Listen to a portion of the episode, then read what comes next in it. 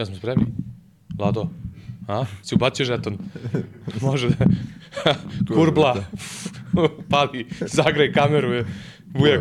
Evo ja, ja je nosim kao ovaj ledej, brate, grejalicu i torbicu, brate, ovde ovaj mikrofon ovde sa sobom. Dobro. Mogu kući da ga ponesem ovako, brate. To je ona toplomerka. Mi, mikrofon toplomerka. A, dobro. E, ovo nam je 11. Jeste. 12. Da. epizoda. Na, našli smo i simboličnost. Jeste. Ni, nije, mislim, vesela, ali opet treba da bude u slavu. Jeste. Pa da, pričali smo i kada je, ovaj, je preminuo Bobby Knight da sve te velikane sporta da pre svega treba da se osvrćemo na njih kao kroz veličine i da ih slavimo, mislim, na taj način. Tako da, E, tačno, na današnji dan, tačno godinu dana od kada je od kada se napustio Siniša Mihajlović. Ovo jeste košarkaški podcast, ali uvek se dotaknemo i drugih sportova, posebno velikana koji su nam ono koliko puta Kako samo ne, ulepšali, ulepšali život. Jest, kako ne. Pa mislim, ono, prosto ja, ja nikada u životu ni za šta nisam bio siguran kao za slobodnjak Siniše Mihajlovića. da, Znači, da. Ja, većina igrača kad šutira penal, meni je veća sigurnost bila kad Siniša, pogotovo ako je sa desne strane malo ovaj, iskošen ovaj, lopta, to, to je nešto neverovatno. Ja mislim da, da, da prosto ljudi koji nisu imali tu priliku, mislim, to je sad ova generacija koji nisu imali tu priliku da, da, da, da iskuse to, to je nešto neverovatno, taj osjećaj kad gledaš utakmice reprezentacije, pre svega da samo čekaš i, i, i Bukvalno. gledaš da padne neko na, na, na tih 20 ili 25 metara od gola sa te desne strane i kad on prilazi lopti da izvede slobodan udarac, ti bukvalno, ne, to, pa nije, to je više od pola gola. Pa čak i korner, ne samo slobodan Da, udarac. da, da. Čak i korner. I ja to pamtim, ono, utakmice reprezentacije, znaš, one prve, uh, posle sankcija, bile su one neke, i kad smo igrali sa, i sa, sa Rumunijom, onu prijateljsku, i posle sa Češkom, i sve to, sećam se uvek te atmosfere, bilo da je slobodnjak, bilo da je korner, cijelo stadion se diže na noge, kao, o, znaš, svi s nestrpljenjem čekaju da se ništa to izvede i ove odmah znaš da je ono, da je to praktično ti kažeš pola gola. Znaš, a opet s druge strane, mislim da ne mogu ove mlađe generacije koje gledaju na YouTube-u, to ne mogu taj, Ne, taj ne, osjećaj, ne, ne, mogu ne, da ne. steknu. Znaš, e, bilo da, da igra za tvoj tim ili da igra protiv tebe, to je ono, je- jedni su u strahu, drugi su ono gotovo sigurni da je gol. Jeste. Znaš, tako da, A ne može to da se prenese zato što mislim prosto ti kad gledaš i neke highlighte i klipove na YouTube-u tebi se to sve spoji u jedan utisak, nemaju taj osjećaj intenziteta, utakmice, koliko je taj trenutak važan i koliko opet kažem bili su i redke te situacije, prosto i protivnik je bio svestan da ne sme da se kocka i da rizikuje da pravi faul na toj razdaljeni jer znaju da ako se to desi mislim da su u ogromnom problemu. I ono bila je tad ta debata koja ja mislim da uopšte i ne treba da bude debata tada kao Roberto Carlos ili Siniša Mihajlović, znaš, mislim, ja, ja mogu da razumem da su neki golovi Carlosa onako atraktivni i stvarno Da, da, spektakularni. onaj- onaj- Skoro sam negde video gol iz levog ćoška kao da je trebalo da bude centar šut da je zavrnuo ovaj skroz iz korner, bukvalno samo što nije korner izveden da je, da je zafarširao i ušla lopta u gol da je golman izašao kao da, da izađe na, na centar šut i ima onaj čuveni gol protiv Francuske, jel tako? da, da, u Toulonu, Da. onom turniru Jeste. koji, koji se nekada igrao pre svetskih prvenstava godinu dana. ali je meni utisak uvek bio da prosto, iako su, da kažemo, atraktivniji bili golovi Carlosa, da ne može da se poredi prosto efikasnost i to koliko je češće pogađao Siniša. Gde su se izgubili slobodni udarci danas? Je? Pa je li ima, Koliko- je li ima neko, koliko je kao, bilo ono, kao igrača, Ward znaš? Prowse je kao u premier Znaš, ligi, ti, ali... ti si imao te igrače ranije koje znaš da je to pola gola, ono, To, to, to. Miha, je, Roberto Carlos, Beckham, bio- ovde kod nas imao Damira Čakara koji isto ono svaki slobodnjak, ono ko Jest. pola gola. A što? Znaš? A što, mislim, što, što smo te- došli? Jer je li to možda zbog celokupnog toga orijentacije futbolu ka kombinatorici, ka nekim Verovatno. sistemima, znaš, ono, ko za bingo, brate. Znaš, E, imaju sećaš neke ono gola kad smo kod Slobodnjaka, sećaš ono gola uh, 94. Tomas Brolin što je dao za Šveđane, kad su prodali onu akciju iz Slobodnjaka, ono, spremili, jedan preskače, drugi je gurne ispod zida i Brolin utrči i da gol. Ono isto umetno slobodnih udaraca je bilo, iako nije bio direktan šut na gole. Pa generalno se to, mislim, prošli put smo pomenuli u epizodi to i desetku kako se gubi u futbalu i čini mi se da se taj e, umetnički dojam generalno gubi. Možemo pričamo i o svim sportovima, ali nekako u futbolu najviše. Bez dileme. Uh, kad smo već kod godišnjica, juče je bilo Juče je bila godišnjica smrti Harisa Brkića. Pričali smo o tim brojima prošle, u prošloj epizodi, broj 5 u košarci, koliko je značajan, ono, ne, ne, ni- nije nam baš, ok, imaš ono zbog Jordana 23 i, i tako ostale brojeve iz NBA, ali e- evropska košarci nekako 4 5 su bili onako nekako najjači brojevi uvek, pa onda se pridodala i desetka ovaj, u košarci. E, koliko je već prošlo godine, ono, bukvalno na neki način mi je vreme stalo, nikad ne znam koliko godina prošlo od tog trenutka, Haris je bio zaista talenat, ja kažem, ono, to nije ono preterivanje, danas da, da, da igra takav igrač, sa takvom građom, sa takvim znanjem, sa šutem, sa tehnikom, nemam dilemu da je to u prva tri pika na, na NBA draftu. A onda u ono vreme, on je kao mlad igrač već nosio igru Partizana, a opet koliko nam je bila jaka reprezentacija, uglavnom je igrao za onu mladu i bio na nekim širim spiskovima A reprezentacije, što dovoljno govori zapravo koliko je, koliko je to ovaj, bila, bila jaka ovaj, i liga, i košarka, i reprezentacija, i sve ostalo. Uh, I sad, znaš, eto, kad smo se već dotakli Harisa, uh, teo bi ja da kažem isto par nekih reči, jer baš sam ga mnogo puta gledao, snimao njegove poteze, skidao, sve ostalo. Znaš, sad se svelo malo na to kao na, na dvokorak, odnosno malo je to i ne, nije on kao dvokorak, on ima te drugi korak, uh -huh po tome je bio poznat, bio je poznat po finti šuta na prvom koraku što je kasnije Kecma radio, to su bili neki potezi, drugo leđna promena, drugo taj produženi korak kad krene, treće, onaj curl kad zaseče oko bloka, pa šut, pa prodor, pa pas, pa znači bukvalno jedna paleta proizvoda, ono, današnji skauti ne bi znali šta, šta pre da izdvoje od, od tih poteza, znaš. Drugo, ta neka uh, sportska drskost, ja pamtim te neke prve utakmice, on je došao u Partizan iz Bosne, pa je prvo godinu bio na pozemici u Borcu iz Čačka i onda je došao, uh, sa 19 godina se vratio i on je odmah od, kod trenera Lukajića odmah dobio, nije bio ono klasičan nosilac, ali je bio među važnim igračima.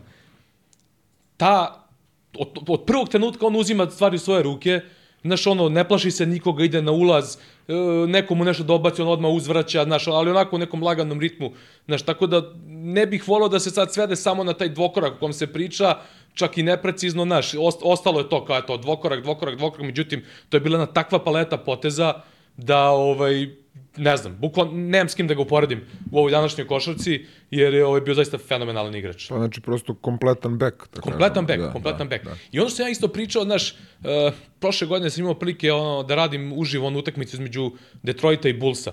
I sad, aj kad sam bio klinac, znaš, okej, okay, uh, imaš ono utisak da su svi viši od tebe i šta ti ja znam, Međutim, evo i danas kad vidim te neke bivše bekove tipa, ne znam, Danilović, Mića Berić, tamo, i dalje, oni naspram mene deluju ogromno.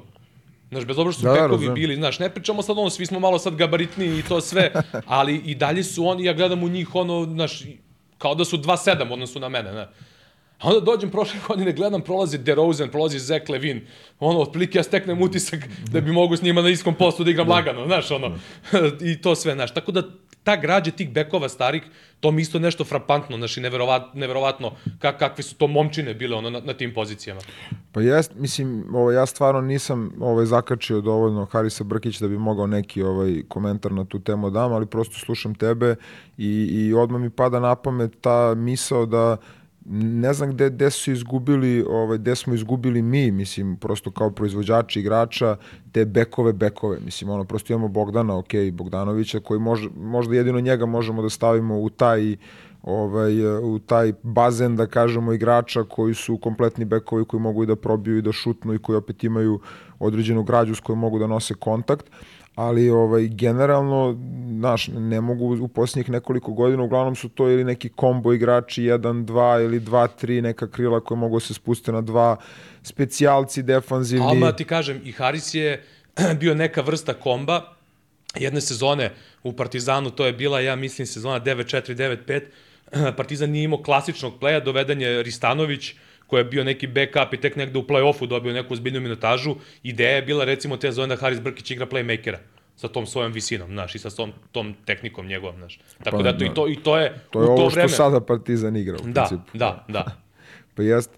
Pa mislim, eto, kažem, ali meni prosto ono, utisak iz tvoje priče ovako da je to opet bio bek koji je mogao da igra jedan Ovaj, a ja, da, a ja mislim više na ove neki igrače koji su, znaš, ono, jedan i po, jedan, dva, ovaj, koji onako i visinom i pozicijom, da, da, da prosto da, da, da, ne možeš da ih smestiš, da, je to, baš, baš među pozicije, da ne možeš da ih smestiš na jednu na drugu, a da recimo, uh, meni se to recimo nije dopalo protek nekoliko godina, generalno ovi skauti koji rade u Evropi ili Amerikanci koji rade kao konsultanti za evropske timove su počeli da a, posmatraju dvojku i trojku kao krilo, kao, znaš, kao wing.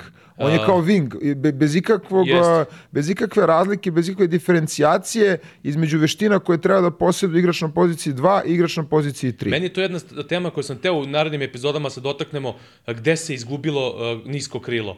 Odnosno, gde se izgubila uloga nisko krila. Redko koje nisko krilo ima takvu ulogu kao nekada što smo imali ono, ne znam, Kukoča, Paspalja i takva krila koji su bili dominantni strelci. Znaš, to se, to se izgubilo u potpunosti. A ovo što ti kažeš, sad recimo znam da neki treneri poput Rinkerija i tako dalje uh, prav, dele, znači ne, ne dele na klasične pozicije, nego imaš ball handlere, kreatore, Da. imaš krila, što se smatraju ono, uh, kako bi To ti rekao... kao wing, pa kao Pa, wing. da, znači može da bude četvorka, može da bude i trojka, može da bude neka dvojka koja nije, da. koja nije ball handler. Tipa, ne znam, Vanja Marinković uh, se smatrao u njegovom, neko, nekoj njegovoj nomenklaturi se smatrao kao krilo, po Da. znacima navoda. I, na, I treća kategorija su centri.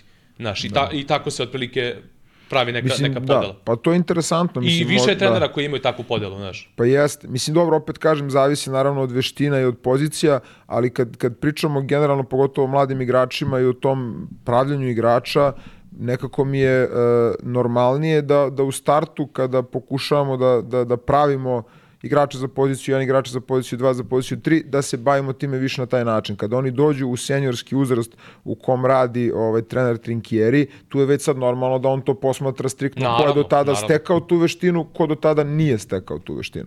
Ali, ovaj, eh, jer ja se sećam kada je, kada je Thompson recimo došao one sezone ovaj, kao zamena, da kažemo, negde ovaj, za Kalinića, sećam se ono komentara na, na Twitteru od strane ovih stranih skauta, kao, znaš, to je to, on će pokriti tu wing poziciju, mislim, a to prosto jedno s drugim nema nikakve veze, ovaj, osim što igraju kao bočno, ovaj bio 3 sa više ono tendencijom ka 4, ovaj je 3 ka 2, ovaj i i ono što što mene ovaj iritira kad se priča o, o, o tome je što za mene krilo pre svega mora da bude i odličan skakač mm -hmm. i da može da ovaj pre svega da ima određeni fizički profil ne može ovaj na krilo je što ti kažeš mislim da može zato se to izgubilo zato što je to jedna izuzetno zahtevna pozicija koja meša, tačno je na sredini, jel, između 1, 2 i 4 i 5, jer je ona tačno polu unutrašnja, polu spoljašnja, zavisno se naravno od sistema koji se igra i ovaj, vrlo je nezgodno naći igrača koji može da odgovori pre svega fizičkim profilom, znači ti teško možeš da imaš krilo koje nema 2 metra ili je barem blizu, koji mora da bude dobar atleta, koji opet mora i da razume igru, a, mora da bude i opet, mora, mislim, ne mora, ali je poželjno da bude i dobar odbranbeni igrač i sve to zajedno spojiš u jednog igrača, to je za mene prototip krila kako krilo treba da bude. Da. Tako da. Uh, ajde napravili smo ovaj neki uvod, možda tamo prilika da, da odradimo ono što si Da. najavio u prošloj epizodi. Uh, aj ti najavi to, pošto Da. ti zamislio otprilike i imao ideju, odnosno kako da... da, Pa da, pa da što je koji, bilo... koji su uslovi igre, da, da, tako ne, kažem. pa da, bilo je, ovaj, ono, tako čitam ovaj, po, po internetu svašta i onda se pokrenula neka polemika oko toga uh, kakvi igrači, to jest kakvi stranci pre svega treba da budu koji, koji gleda, treba da gledaju naši klubovi da dovode. Mhm. Znači, da li su to stranci koji su već iskusni i prekaljeni, uh, koji bi doneli iskustvo igranja pogotovo u Euroligi ili to treba da budu igrači koji imaju neku vrstu gladi. Sad ta glad ne mora da bude ista, ta glad može da bude recimo da je igrač koji je možda bio u nekom usponu pa je sada u blagom padu pa pokušava da se vrati ponovo na scenu. Može da bude i neko koji još nikad nije igrao Euroligu, još uvijek nije igrao na tom nivou košarku pa treba da se dokazuje. Uh, ili je ili opet kažem je ono sasvim ok dovoditi te iskusne igrače koji možda nemaju ne kažem ne možemo da generalizujemo naravno ali koji u startu nemaju tu vrstu želje za dokazivanjem.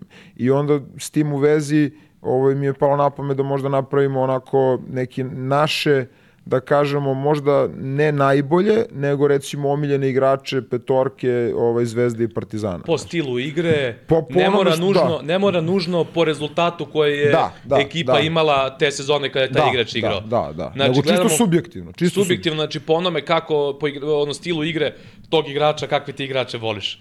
Da neko ne shvati pogrešno, Da, znaš, da, ono, da, znači, da. da ne, ne, kaže ne, uopšte, ne, uopšte, da, da, uopšte kako, ne kažem da je to naj, da su to najbolji igrači, nego prosto igrači koji su nekako meni i tebi naravno, koji su nam bili najupečetljiviji iz kog god razloga, mislim, Dobro. tu smo do toga. Ja imam malu dilemu, ja napravio sam neki ono honorable mention uh, i čak neke igrače sam mislio da pomenemo iz drugih klubova potencijalno, ovako Da. kojem na prvu padnu na pamet, ali ovaj, uh, nezgodno je malo, e, jer u ono, ne, u ono neka ranija vremena, na primjer, konkretno Partizan je uglavnom dovodio playmakere i, i četvorke ili petice. Da. Znaš, i onda je teško naći, imaš Jeste, na, pozi nema, nema, na to- poziciji da. playmaker imaš gomilu igrača, Jest. a recimo na trojici je prilično teško naći nekoga. da, da. Znaš, i to sve. Tako da, ovaj, e, ma, malo je to, malo je to ono, otprilike teže. Ko će prvi da krene? Kako hoćeš, meni je Hoćeš jedan da, da odradi oba tima ili... Pa ne, tim ajmo jedan po jedan, da. Ajmo jedan po jedan tim, mislim. to. Ajde, pošto je tvoja ideja, kreni ti prvi. Da, ovaj, ajde, ajde, krenut ćemo sa Zvezdom. Ajde. Ovaj, a, meni se recimo, ta, kako sam sad gledao i razmišljao, meni se namestilo da je bukvalno petorka. Znači, recimo za Partizan, kada sam razmišljao, upravo iz tog razloga Mhm. da, koji ti priča, kažeš, da. je, ne znam, ono, svi su unutrašnji skoro. Ovaj, meni je recimo na, na poziciji jedan e, obavezno Omar Kuk, Mhm. Znači, e, ta sezona, mislim, taj, ta saradnja sa Tadijom Dragićevićem, ono, Mhm. bukvalno, e, ja, ja ne, pa- prvo što je cela ta ekipa bila, da kažemo, ajde, u, u najmanju ruku prosječna i napravili su stvarno najbolji mogući rezultat koji su mogli sa tim rosterom, a, ali e, način na koji igra Omar Cook, znači, on, ja mislim da je to, imao je on posle toga da kažemo ok, sez, ok sezona u Evropi, Španiji, da, Unikaha, sve ono, to u redu, ali to je jedina sezona u kojoj je on u potpunosti iskazao sve ono zbog čega je važio za ogroman potencijal kada izlazi iz srednje škole. Znači on je prosto važio za ozbiljnog prospekta, za ono bukvalno igrača koji sad da ne preterujemo, ali je negde bio tretiran, ne znam, kao neki možda Chris Paul, ta vrsta igrača, znači ono potpunog point gada koji ovaj čita igru, vidi sve na terenu a, a, i razume ovaj košarku na neki viši način i recimo te sezone je stvarno to, to je bilo ono poezija, umetnost gledati ga, znači onako kako treba jedan playmaker da igra košarku, Omar Cook je te godine igrao. Mislim meni je meni je bilo uživanje da gledam svaku utakmicu, da li uživo, da li preko TV-a i onda naravno ta komunikacija i ovaj saradnja koju je uspeo da uspostavi sa Tadijom Dragićevićem koja je isto i njegova najbolja sezona, mislim. Bez ovaj, dileme, da. objektivno je stvarno je bilo ovaj onako uživanje gledati njih dvojicu, ali kažem pre svega Cook je tu bio, jer jako je teško u Evropi naći igrača koji prvo i takav statistički učinak imao i takav učinak na utakmicu i ono potpuno se oslobodio čovek, igrao To su, to su one sezone, znaš, kad, kad imaš ono timove, tim koji ti možda nije, i, uh, nije da kažem ono, najjače, odnosno nije... Da. Ali tebi legne, da, A, razumem što ćeš da kažeš. I da. znaš, ono, vidiš da daju svoj maksimum, da izlače sve, da igraju Jest, sjajno. e, to, znaš, to. Ma, malo mi ono, tipa, futbolski klub Partizan ove sezone me podsjeća. Znaš, Da. nemaju neki upside, nemaju ono, sad ti da kažeš ovaj tim lupam da ne znam, može nešto u Evropi, potencijalno da uradi da bi uradio ili da su se skupili ranije, bla, bla, ali opet na samim utakmicama vidiš neke ono, poteze To, nekih to, da. igrača koji ono, te privuku da gledaš sport, na kraju krajeva zbog toga gledaš sport, znaš. Ne gledaš Jest. ga samo zbog rezultata. Jest, Znaš, jest. tako da potpuno, potpuno razumem to, taj tvoj izbor, jer sam ja imao jednu dilemu posle vamo na Partizanovi petorci na poziciji playmakera i ovaj, na kraju sam prelomio na drugi način, ali je mi je honorable mention. Pa da. Tako da eto, recimo Omar Cook na, na jedan. Ko je dva? Dva je Jenkins. Jenkins. Znači, dva je Jenkins, znači čega, tu, da. nema, a tu nema nikakve dileme. Prvo, on je, on je kad je došao u Zvezdu, je došao kao potpuni skorer. Znači, on je bio, recimo, ja mislim da je bio i rekorder na Hofstri, a, bio je to što je bio u Golden State-u, je ono zakačio neku kraću epizodu, došao je kako je došao, ono prvi, prve neke utakmice su bile onako da kažemo potpuno nesnađen je bio u vremenu i prostoru. I sad način na koji je on uspeo da, da okrene celu svoju psihologiju i da okrene celu svoj ovaj košarkaški identitet na odbranu je meni fenomenalan, a pritom je konstantno kroz dobro, već pri kraju ne, ali recimo kroz ove prve epizode u Zvezdi je bio izuzetno opasan onim trenucima kad se lome utakmice, Da, da, da. donosio izuzetno važne, Važne poene. sa polu distance. Da, e, i... upravo to, znači, radio je tu polu distancu koja je onako, da kažemo, mnogi iritirala, jer već u tom trenutku je krenula ta svest da se širi kako je to neefikasan šut, kako je to loš šut. Znači, recimo, taj, taj Snake koji on radio na pick and rollu, Fenomenalno, znači, ne, neverovatno ovaj, potentan igrač i ona partija recimo protiv Budiveljnika koja mislim Mm. da kažemo negde i ostala kao njegova najbolja individualna košgetarska partija jer je imao je taj moment da može da se otkači, da može da ti donese neverovatne stvari u napadu, a pritom je u odbrani igrao odbranu koja je stvarno ono na, na nekom vrhunskom nivou i u smislu agresivnosti i inteligencije, pritom i kao pojava je, je igrač koji je pozitivan, koji donosi energiju ovaj, ekipi. Mislim, ja onako i trenerski i ovako ovaj, kao ljubitelj košarke uvek volim da vidim takve igrače koji negde sa osmehom donosi intenzitet, znaš. Znači, ono, da, da, da. nije... Nije ono- nervozan. Da, da, nije nervozan intenzitet, znači on ti donosi vrhunski Mislim, intenzitet. nekad ti treba i nervozni Treba i intenzitet u nekoj toga, ekipi, ali... ali opet je to sve, tako da je meni ono Jenkins tu neprikosnovan. Trojka? A, trojka je, trojka je, istu sam trojku stavio u U obe. znam, ja sam stavio tu trojku sigurno. Ne znam Jer je- da li sam 100% siguran, ja sam tu trojku stavio u Partizanu, to Partizanu je, petorku. to je igrač, mislim, uh, ja, ja ne znam Ja kako... pričamo o istom. Ja sam siguran da pričam. Evo, Ajde, ti, pa mislim Kinsey. Kinsey, naravno. Pa, naravno, da. Znači, to je, to je, ja ne znam kako on je imao još bolju evropsku karijeru. Znači, imao je on dobru, da kažemo, to je igrač koji je, eh, evo, malo pre sam pomenuo Thompsona, znači, ta ekipa Zvezde, promena Thompson, Kinsey, to je, to, Promena je, sezone. to je promena bila, ja ne pamtim, je li bila u prethodnim godinama u Zvezdi u Partizanu tako neka promena u toku sezone na nekoj poziciji da kažemo da je bukvalno potpuno preokrenula i ekipu i sezonu i sve. Pa pazi, sad zavisi, ne znam šta smatramo promenom, odnosno koju fazu sezone. Recimo, Da. Partizan je malo kasnije doveo Boa Mekeleba, Da. Pa je ovaj, ono, bio je potpisan Palacio, pa je to propalo, ne znam, bili su neki problemi ovamo, Dobro, odnosno da, vratio Palacija, da. na kraju to ispostavio, pa je malo kasnije, ne znam, propustio valjda da li jedno kolo ili dva u Euroligi i došao je Bo Mekeleb i onda je, ono, Pa da. baš bila ono totalna promena. Sad, bi- bila je ranija faza sezone, a Partizan je, ne znam, mnogi zaboravljaju u toj uh, Final Four sezoni na početku, pored tih poraza u Euroligi, imao i poraze u ABA ligi. Poraz u Beogradu od budućnosti i šta ti ja znam, da li je bila i Cibona ili ne mogu se tačno se setim. Znači, baš je onako taj početak bio smušan, plus dva pojačanja, odnosno dva porotnika, Palacio i Milojević uh, su otpali, da tako kažem, i onda su dovedena druga pojačanja. Pa da, eto, možemo eto i to da, da podvedemo, mislim. Da. Ali, uh, kažem, ta, ta sezona Kinsija ovaj, u Zvezdi i generalno njegov, uh, da kažemo, igrački skillset, mislim, je meni uh, fenomenalan. Znači, on je na toj poziciji, on može da pokrije sve tri spoljne pozicije, znači bez ikakvog problema, jer ima tu dužinu.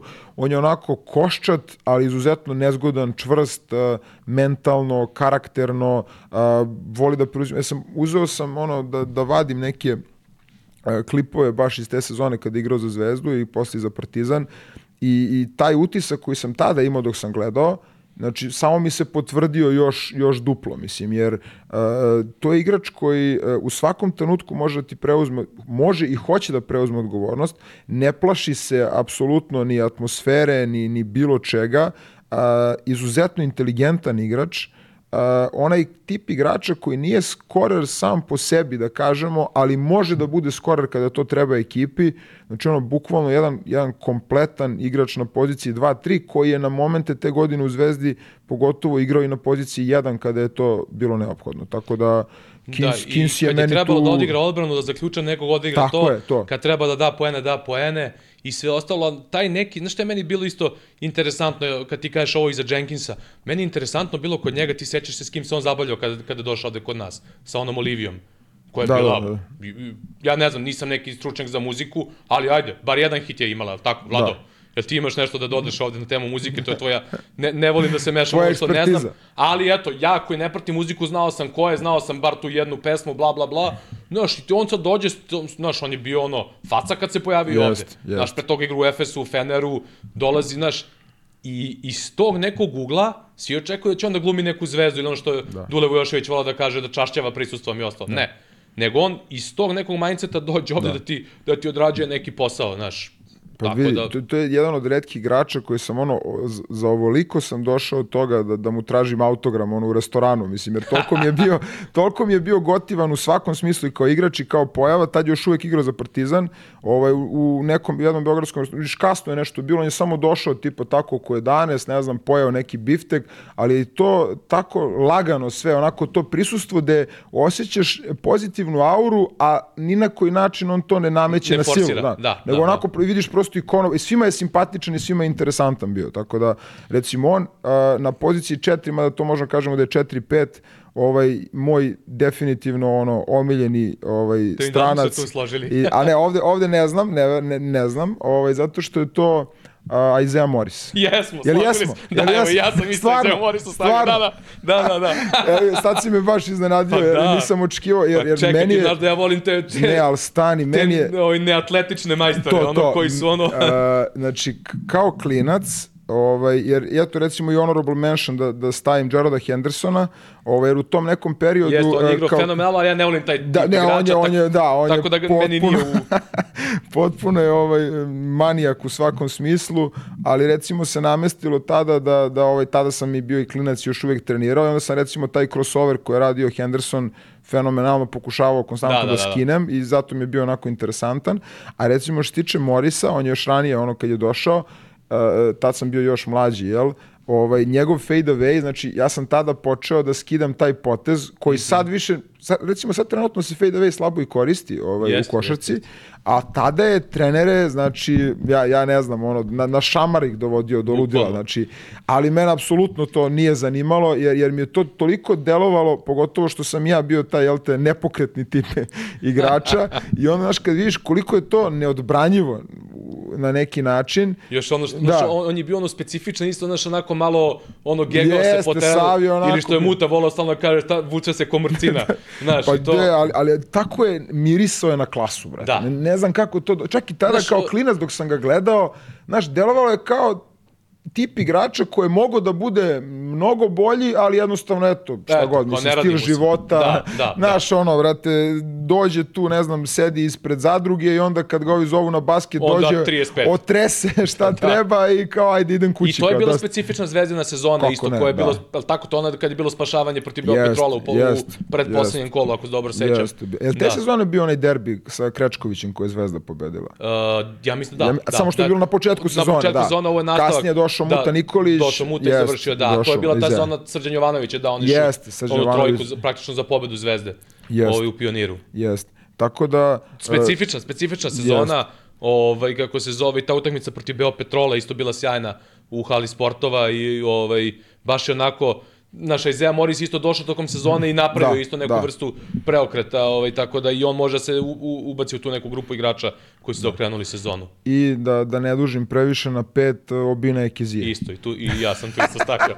je li moguće stane? da, da, pa nema šta, znači ne, ono, dom, pazi, dominacija mislim, pogotovo, surova. Da, pogotovo je Zvezda imala mnogo stranaca, mislim, prethodnih godina. Utisak mi je kao više od Partizana, sad ne znam da li zbog toga što, su, što si ti pomenuo da je više unutrašnjih igrača Partizana, pa nekako su svi ovaj, bili na sličnoj poziciji. Zvezda je kroz godine dovodila stvarno od 1 do 5, mislim, ovaj, i da kažemo da je bio tu neki veliki izbor, ali je Kezije je, je, je meni ono, i ta sezona je kao da kažemo bila neka povratnička sezona yes. za Zvezdu. Oni s Kuni Pen su došli da. onako baš On je malo kasnije došao, prvo bio da. Tyron Washington, yes, pa to yes. nešto se nije ovaj, ovaj, ispalo nešto baš sjajno i onda je došao Kezije koji isto ovo što sam rekao za Morisa, znaš ono kad neki igrači dođu i oni mirišu na klasu. Ja mislim da bi on bio na dominantan, sigurno. 100%. Znaš, da. ja sam posle gledao neke klipove, posle, on, je, on je imao tu i povredu i morao da prekine karijeru i gledao sam recimo za Dinamo iz Moskve isto kad je igrao uh, neverovatna uh, agilnost i, i, i laganost u nogama sa,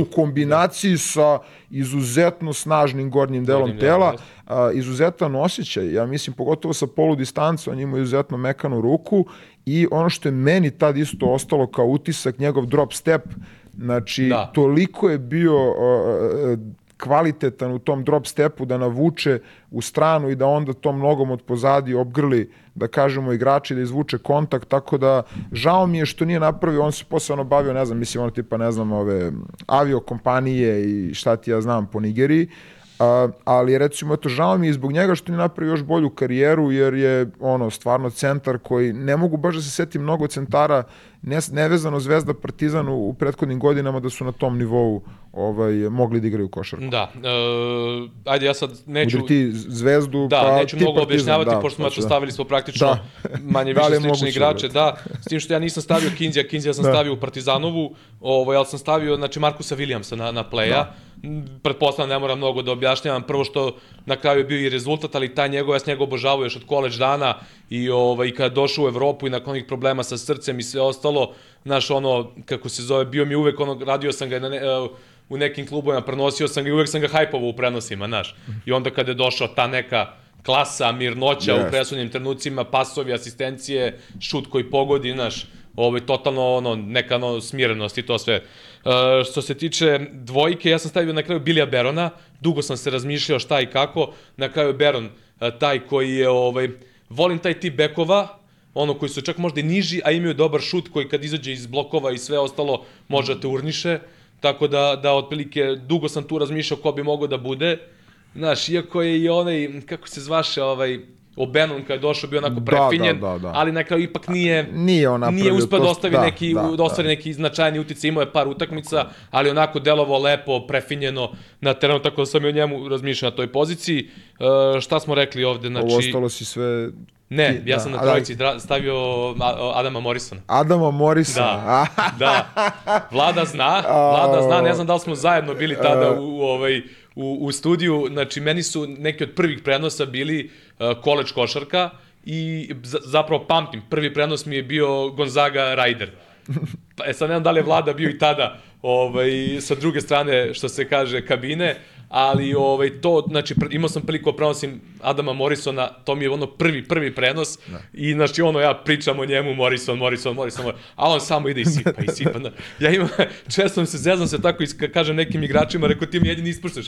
Dođe tako neki igrač, hoću ga predstavim, iskajpujem ga, on se raspadne tu utakmicu, ne može ništa i onda sledeću Šta utakmicu da priča, 35. da, da, da. znaš, I sledeću šta priča ovaj komentator? Pa to ti Šta, kažem. kakav je ovo E, igrač? brate? I, a Morrison je jedan onih koji me ispoštovao, ja ono hype, hype, hype, pa on samo d- d- d- Znaš, i cela ta sezona gde su oni ono nesrećno da, da, čarape i sve oni brko, znaš, baš me je podsjećao na, na, na neku tu XU školu i zato sam ga i gotivio i ovaj, I onda, znaš, onaj nesrećni porad od UCLA-a kako su izgubili na, na na Madnessu i sve to, znaš, cijela ta sezona mi je ovako jedna od najlepših koju, sa- koju sam radio, one kada je što, se, NCAA. što, što se tiče Morrisona, ovaj, tu samo da dodam, uh, bio sam na toj utakmici recimo protiv Olimpije, koja je njegova najbolja utakmica Ja sam bio u protiv Zvezdi. Bayerna, onoj prvi prijateljskoj, Da, što sam da. to gledam da vidim Morrisona. Ono, A, to je, došao kod da je došao e, Jordan, tako da, sam se osjećao. Znači, pa, pa on stvarno jeste i bio, da kažemo, igrač sa najvećom reputacijom koji u tom trenutku došao, mislim, ovaj, pogotovo u Zvezdu. A, ta količina talenta, skorarskog, Aha. čistog, Čistog, koje ono. on ima, ja, ja to nisam ovaj, mnogo puta video uživo. Znači, sve na stranu njegove problemi, njegova očigledna nesnađenost u životu odraslih, mm -hmm. generalno nevezano samo za košarku, njegovi zdravstveni problemi koje ima sa šećerom. Znači, sve to da stavimo na stranu, da stavimo to što je videlo se da on prosto u nekom svom svetu i tad kad je počeo sezonu u Zvezdi, ali ta utakmica je, je u potpunosti mogla da prikaže, e, to je toliko malo prostora njemu treba e, kada je u ritmu da da koš. Znači da je to nešto nevjerojatno. Ti vidiš Možda ta lopta je, dres da digneš da, ruke, on će da, da ti- upravo to. Ta lopta je bukvalno kao da je navođena. Znači, ti vidiš da to su šutevi koji nemaju nikakvog smisla ni logike, e, pokrivena, on je, da kažemo, relativno neatletičan, ali e, da, da mogu da kažem da je on negde e, po toj vrsti talenta, naravno, sirotinska verzija, ali Lerija Birda. Znači, Da, ta da, da, vrsta jeste, neka jeste, igrača, naravno, niti ima taj karakter, niti Naravno, ima da, da, milion ali drugih kvaliteta verujem da koji ima Bird, svako šta- pa nadam misliš. se da razumeju, da. Da. ne mislim da je bukvalno Bird, nego da je ta vrsta tog talenta koji je sirov, koji je nekako uh, nedore, ne, nije, nije u potpunosti uh, izbrušen, ali ti vidiš da, da, da je to osjećaj koji ne možeš da, da vežbaš, koji ne možeš Ta- da naučiš nikoga. Ta sezona, ta sezona NCAA, znači taj, taj okršaj njega i JJ Redika za najboljeg strelca NCAA, to ne znam da će se ikad ponoviti tako I, ove, nešto. I mislim da Kako- stvarno postoji razlog zašto je on bio toliko ishajpovan. Znači, to dileme. nije, da kažemo, ništa što je bilo slučajno, nije uspelo, nije uspelo, ali ja potpunosti razumem ovaj, ceo taj hajp. Dobro, znači, ja, znači dakle, ja, ja sam rekao Marcus Williams, Billy Baron uh, za Adam Morrisona, Isaiah Morris i Obino Ekezije, dak, dakle nećemo da, neću da tu nešto mnogo pričam, pošto smo već sve pričali, da ne, se ne, ne dupliramo. E sad, moja petorka Partizana,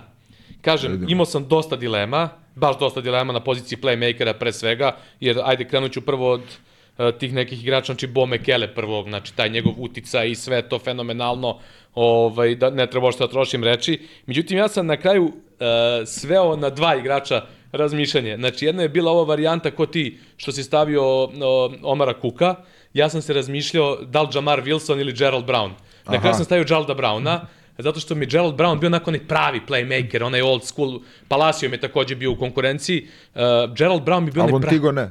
I, i Von Tigo mi je među on, Da. onaj honorable mention.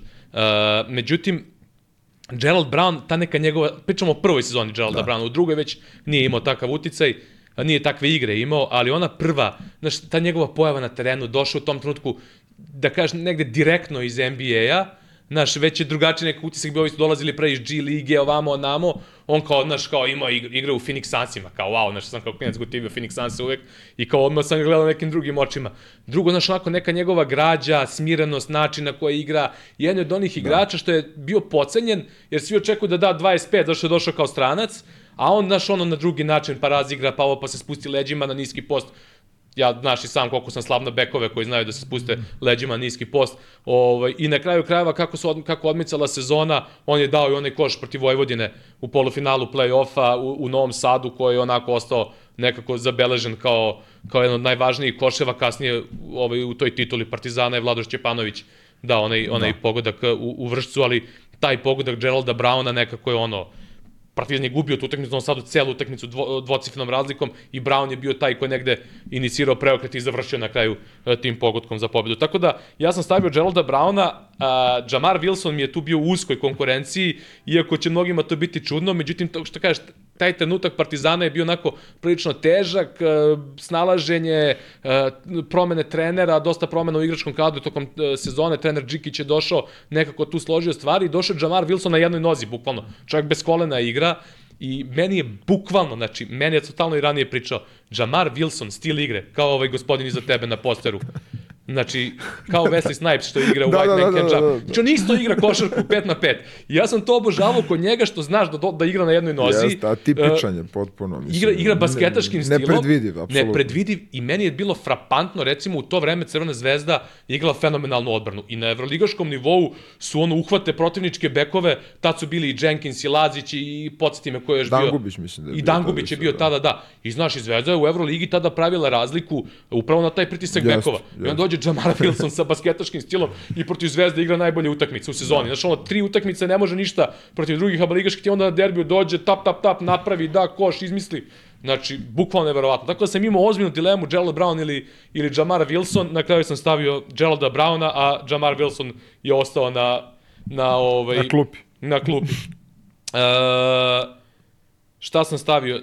Na dvojici nisam imao gram dileme, to je Blake Step. Znao sam, da. Pa Gonzaga, vrate, znači, evo, ko što je Adam Morrison, ovo je Blake Step, samo ni, niža verzija, uh, ta prefinjenost, taj, ta mekoća, taj šut, taj naskok na dve noge. Ima jedna situacija na jednom derbiju Partizana izvedena treća četvrtina, gde Partizan pravi ogromnu razliku i onda da ističe treća četvrtina, stiže lopta do njega, jedan igrač kreće da mu izbije, a on samo ono, pu, u prijemu je pušta u leđnu promenu Aha, da. i kreće i naskače bukvalno 9 metara, to je naskok, onaj žablji naskok na jednu, pa na dve noge, brate, to je takva mekoća, ono ide lopta, vidiš, ono, samo puć, uleće, znaš, ne, neverovatno me kođe. Mislim da čak i Dule Vujošević uh, pričao da, da mu je to možda najomiljeniji stranac koji je bio u Partizanu, znaš. Nije on ono nešto sad uradio, ne znam, ja, da, ali, ali, ali pravi ima onaj back ulogu, shooter da, vrhunski, brate. Pravi znači, back shooter vrhunski i ovaj, na kraju kraju ima važnu ulogu u toj Partizanovoj tituli.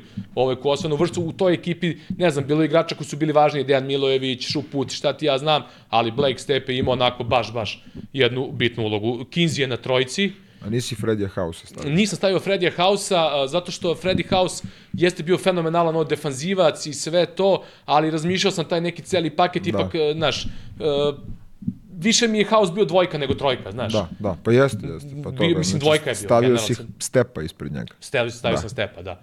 Znaš, iako House je bio ja, takvog defanzivca, danas ne vidim da ima u Evropi. Da, znaš, on, baš su ga volili, mislim, navijači Partizana i dan. Da, danas je ostao nekako u sećanju svima. Znači, da. ono, bukvalno krene ono u stavu, pa prokliza, napravi špagu, ali te zaustavi, ne može ga prođe, znaš. Ono, u tom nekom periodu. On nije bio takav skorer, iako on jedne sezone imao, ono, igrao je sjajno, one utakmice protiv Cibone, protiv Zvezde u kupu u Novom Sadu, protiv Barsa, imao je baš nekih skorerskih partija, ali nije on bio taj prefinjeni strelac, ono, ili šuter, da, da, šta da, da, ti ja znam, ali eto, uspe da napravi on neki zaokret da. kod Jenkins, ovo što ti je rekao Crvenoj zvezdi samo u nekom, nekom suprotnom smeru. E sad, tu sam imao dosta dilema na, na četiri, jel, jel smo rekli, jel su stranci bilo koji ili samo Amerikanci? Pa bilo koji, bilo ne mora da bude. Ja sam na četiri stavio Davisa Bertansa. Isto. Znaš, ipak ja ta, sam Bertansa isto. Pa da, ta finoća, ono, šut i to sve, mislim, ne, ne treba da objašnjam pretarano. Mm -hmm. I najveću dilemu sam imao na pet. Zašto? To, da. Zašto? Zato što meni nekako u to vreme i generalno Partizan kroz svoju istoriju uvek imao dominantne petice. I uvek su mi dominantni bili domaći igrači na toj petici yes, yes. i zaista mi je teško bilo da nađem nekog i razmišljao sam, razmišljao sam ko bi to mogo da bude, znaš, imao ti ne znam tu i Džavajija i ovog i onog, ali nije mi Džavaj bio toliko da. dominantan koliko su bili neki prethodni centri ovaj, pa da, domaći, da. tako se odlučio tu da stavim Lazmea. Lazme, isto Da, sam, da. stavio sam Lazmea zato što je Lazme odradio onaj nepredvi... E, e, jedan sjajan posao, a niko nije u tom trenutku, u početku sezone e, to cenio. I sećam se nekih komentara e, u prva dva, tri kola, kao ovo je najgori stranac, kao ko je došao ikada u Partizan. Ja pričam ljudima, čekajte polako, vidite, on naš, radi ovo, radi ono, ma kao, pusti me, znaš, naviknuti su bili Da. svi na, na dominantne petice. Tako da, Lazme, čak u tom nekoj kombinaciji sa onim što je kasnije radio u karijeri, eto, odlučio sam se da njega stavim. Eto, sad ne znam šta još da kažem ja odmah ovaj igrače koji, znači, pomenuo sam, e, pomenuo sam Čidžamara Wilsona, Boa Mekeleba, Palasija, Cummingsa i Hausa, to su mi... To Opet su smo, mi... opet smo se poklopili ovaj, i u Partizanu, ja imam trojicu istih. Znači, to su neverovatno, mislim. Pa, ovaj, će- uh, Ne radimo mi slučajno zajedno da, da, podcasti. ovaj, Kinsija sam morao stavim u obe ekipe, Mhm. znači tu, tu ne- nema greške da, da se ne ponavljam. Bertansa sam ovaj, isto, uh, zato što je, mislim, prosto Bertans je, ja obožavam te igrače koji su ono automatik šuteri, ovaj, što on svakako jeste. Uh, Lazmea isto, mislim, on je, on je nekako da kažemo bio, mislim, jedan od razloga zašto su možda navijači u startu reagovali tako na njega je što je tad bilo Atipično. novitet ta Tako vrsta je. centra. Tako ta je. vrsta centra koji da kažemo... On je jer četvorka. Jest, on je četvorka, u stvari je centar, a može jedno i drugo. Posebno u toj eri Duška Vujoševića da je dominantne petice Jest. i sad odjednom dolazi ono, nakon Da. Pekovića i ostalih dolazi Lazme, što svi u opet, čudu. što opet govori o veličini Duška Vujoševića, da, da je bio u tom trenutku spreman da se prilagodi i da izabere neko drugačije Tako je. rešenje koje stvarno u tom trenutku u Evropi nisi imao puno Tako je, to je ona igrača. petorka što smo pominjali u jednoj epizoda da. gde, gde je na pleju Tepić koji je viši od, uh, od Tripkovića na dvojici, opet, uh, kako se zove, uh, ti imao si Novicu Veličkovića na, Jest. na, na Četvorci. uh, Veselog na trojici, Trojici. koji je viši Da. od, od četvorke na koje je bio Veličković, a I- Veličković koji je na četiri viši od, od Lazme na pet. Jest. Što, što je u principu opet kaže, i to, to smo pominjali, taj, taj trend koji je kasnije krenuo u košarci da se više gleda kroz veštinu nego kroz, da kažemo, tu nominalnu visinu. I ovaj, ja sam još dva igrača koji nisu, ovaj, ja nisam prosto petorku Partizana napravio po pozicijama. Ovaj to su još jedan igrač koji igrao i za Zvezdu, a to je Lawrence Roberts. Ovaj jer je to to je igrač nekako koji meni je ostao utisak da je ostao podcenjen a, i kod jednih i kod drugih, i kod Bez navijača Zvezde i kod navijača Partizana.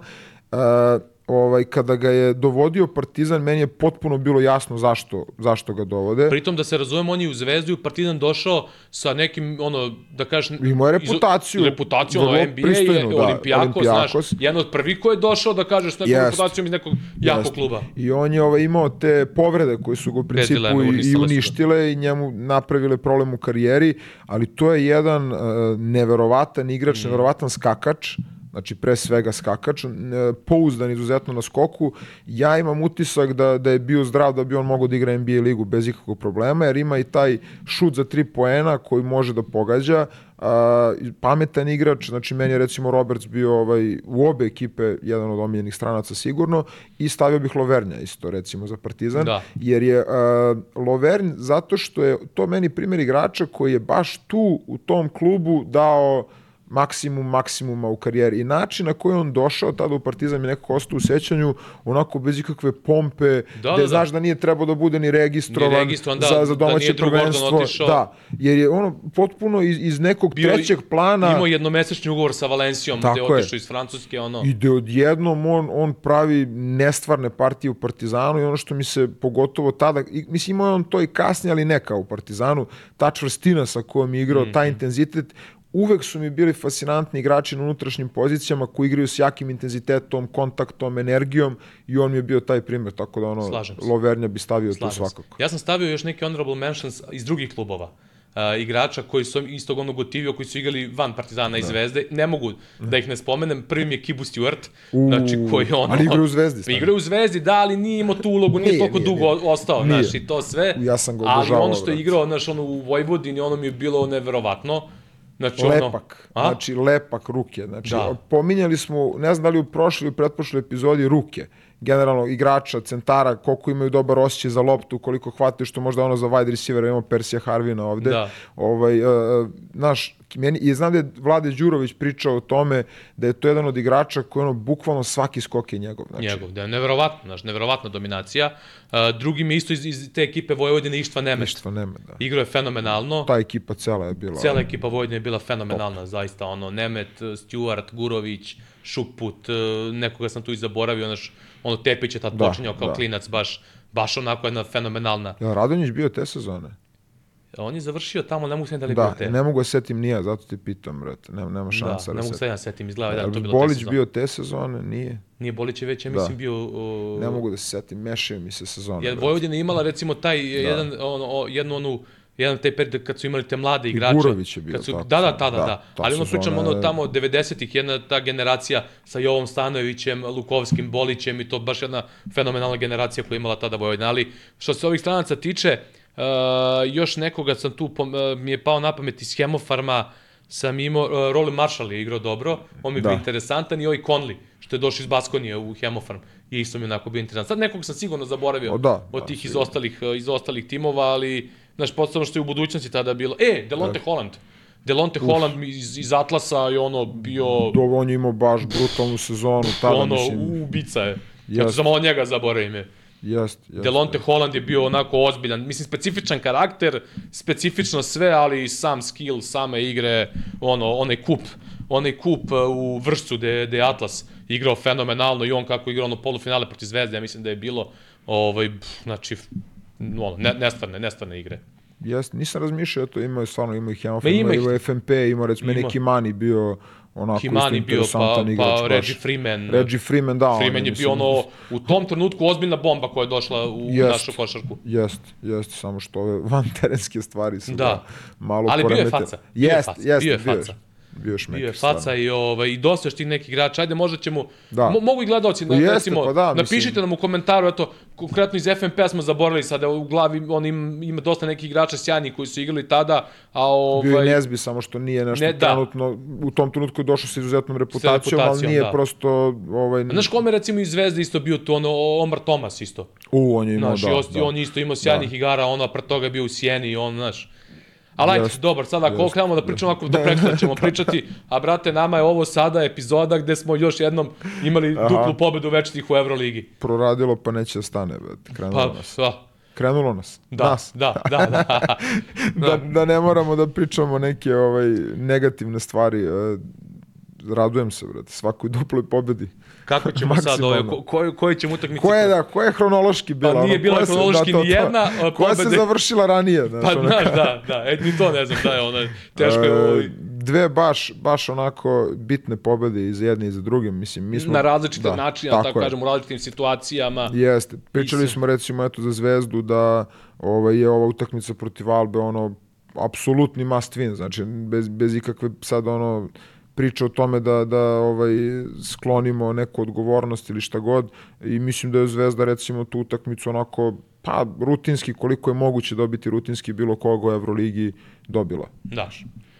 Shodno, shodno celoj situaciji, kao i pred meč Partizan Alba, rekli smo, znaš, da Alba nije više taj nivo, na tom nivou na kojem je Nije, bila da, da. prethodnih godina, ali su, Ali su ali su vrlo nezgodni. Jesu. Znaš, baš su nezgodni i, ovaj, i to je jedna od onih utakmica, evo, sad dobijena je, više niko ne priča o njoj, a, A. da je izgubljena, znači sve i svašta bi se pričalo i pisalo, znaš. A ovako Zvezda uspela da nađe a, neke snage, pozitivne energije, rekao bih i pozitivne energije u hali. Nakon Da. svega, onako jedna ovaj, dobra podrška i, i, i, i dobra poseta i onako od samog starta a, nekako dobar početak Crvene zvezde. E,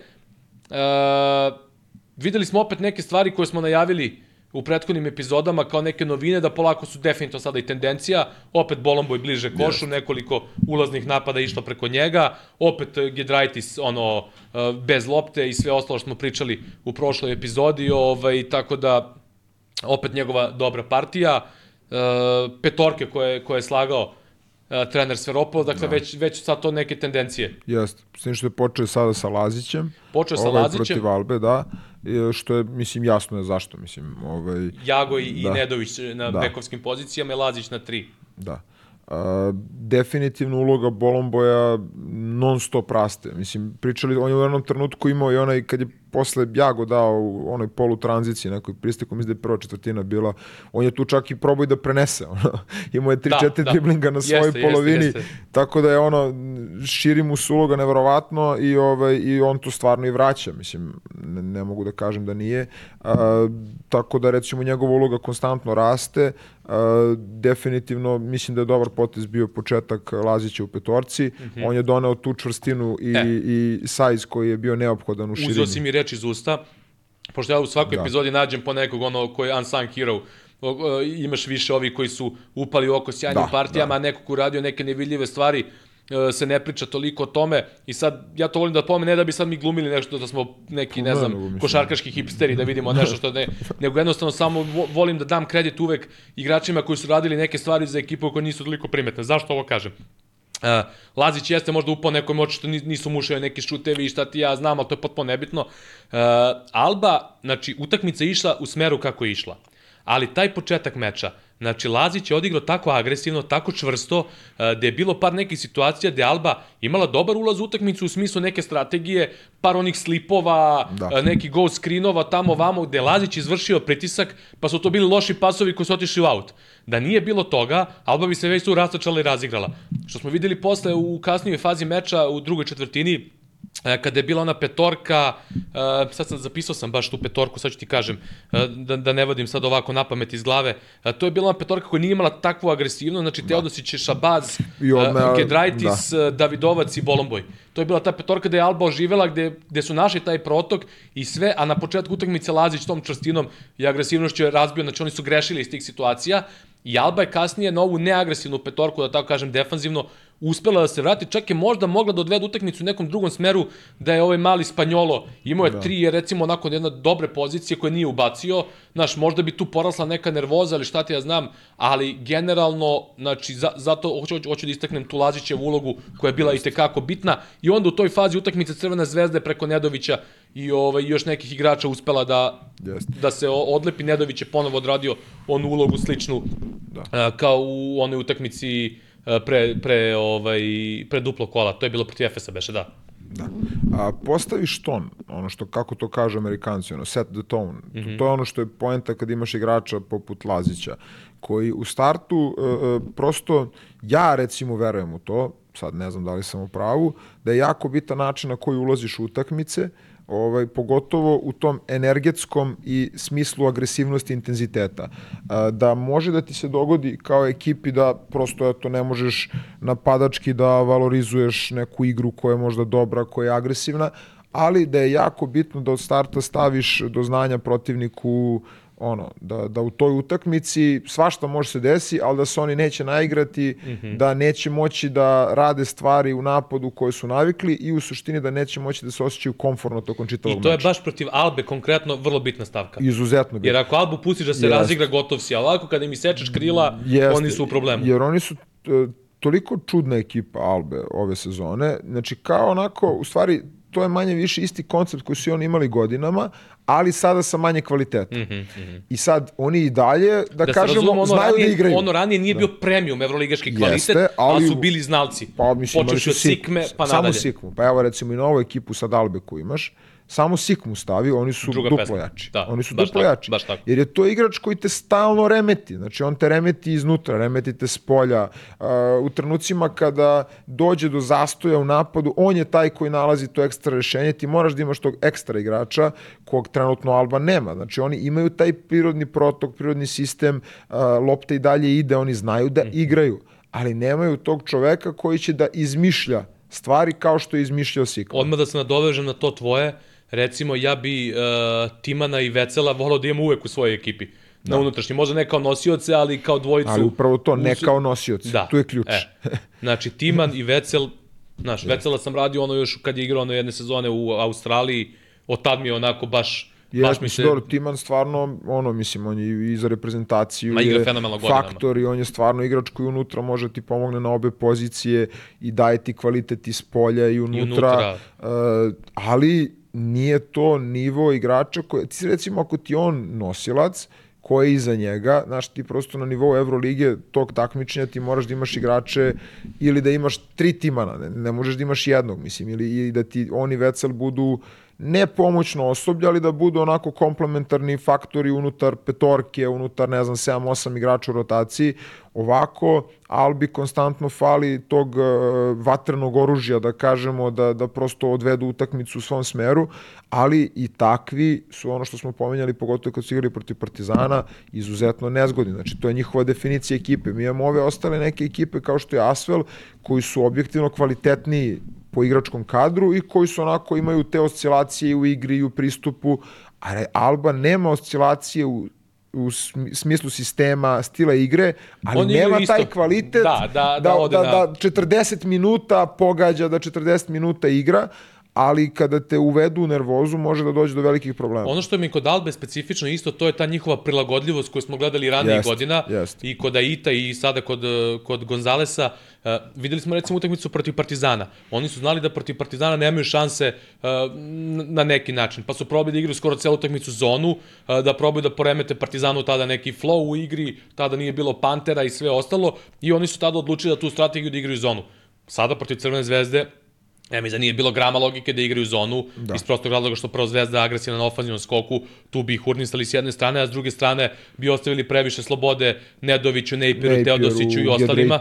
Gedraitisu, znači ostavili previše prostora i Alba je odabrala strategiju na početku da igra vrlo agresivno na ball handlerima Zvezde, na, na, na Jagu i na posebno Nedoviću, što je Crvena zvezda, jel te, onda su ostavili prostor Luki Mitrović, što je Luka Mitrović onda i short rola yes. iskažnjavo. E, posle Alba uspela nekako tu da malo prilagodi, da ostanu malo zalepljeni uz Mitrović i uz Bolomboja, da spreče taj, taj short roll. Međutim, posle Zvezda našla dosta nekih dobrih rešenja bez lopte, ono Teodosićevo utrčavanje, kad su krenuli da sam, katuje da. na one stantove Jest. na pomoć, naš, Upravo to sam prilagođavanja da jednog da, trenera, odmah da, kontra prilagođavanja da. drugog trenera. Jeste, odličan, ugla. da, odličan posao Sferopulosa.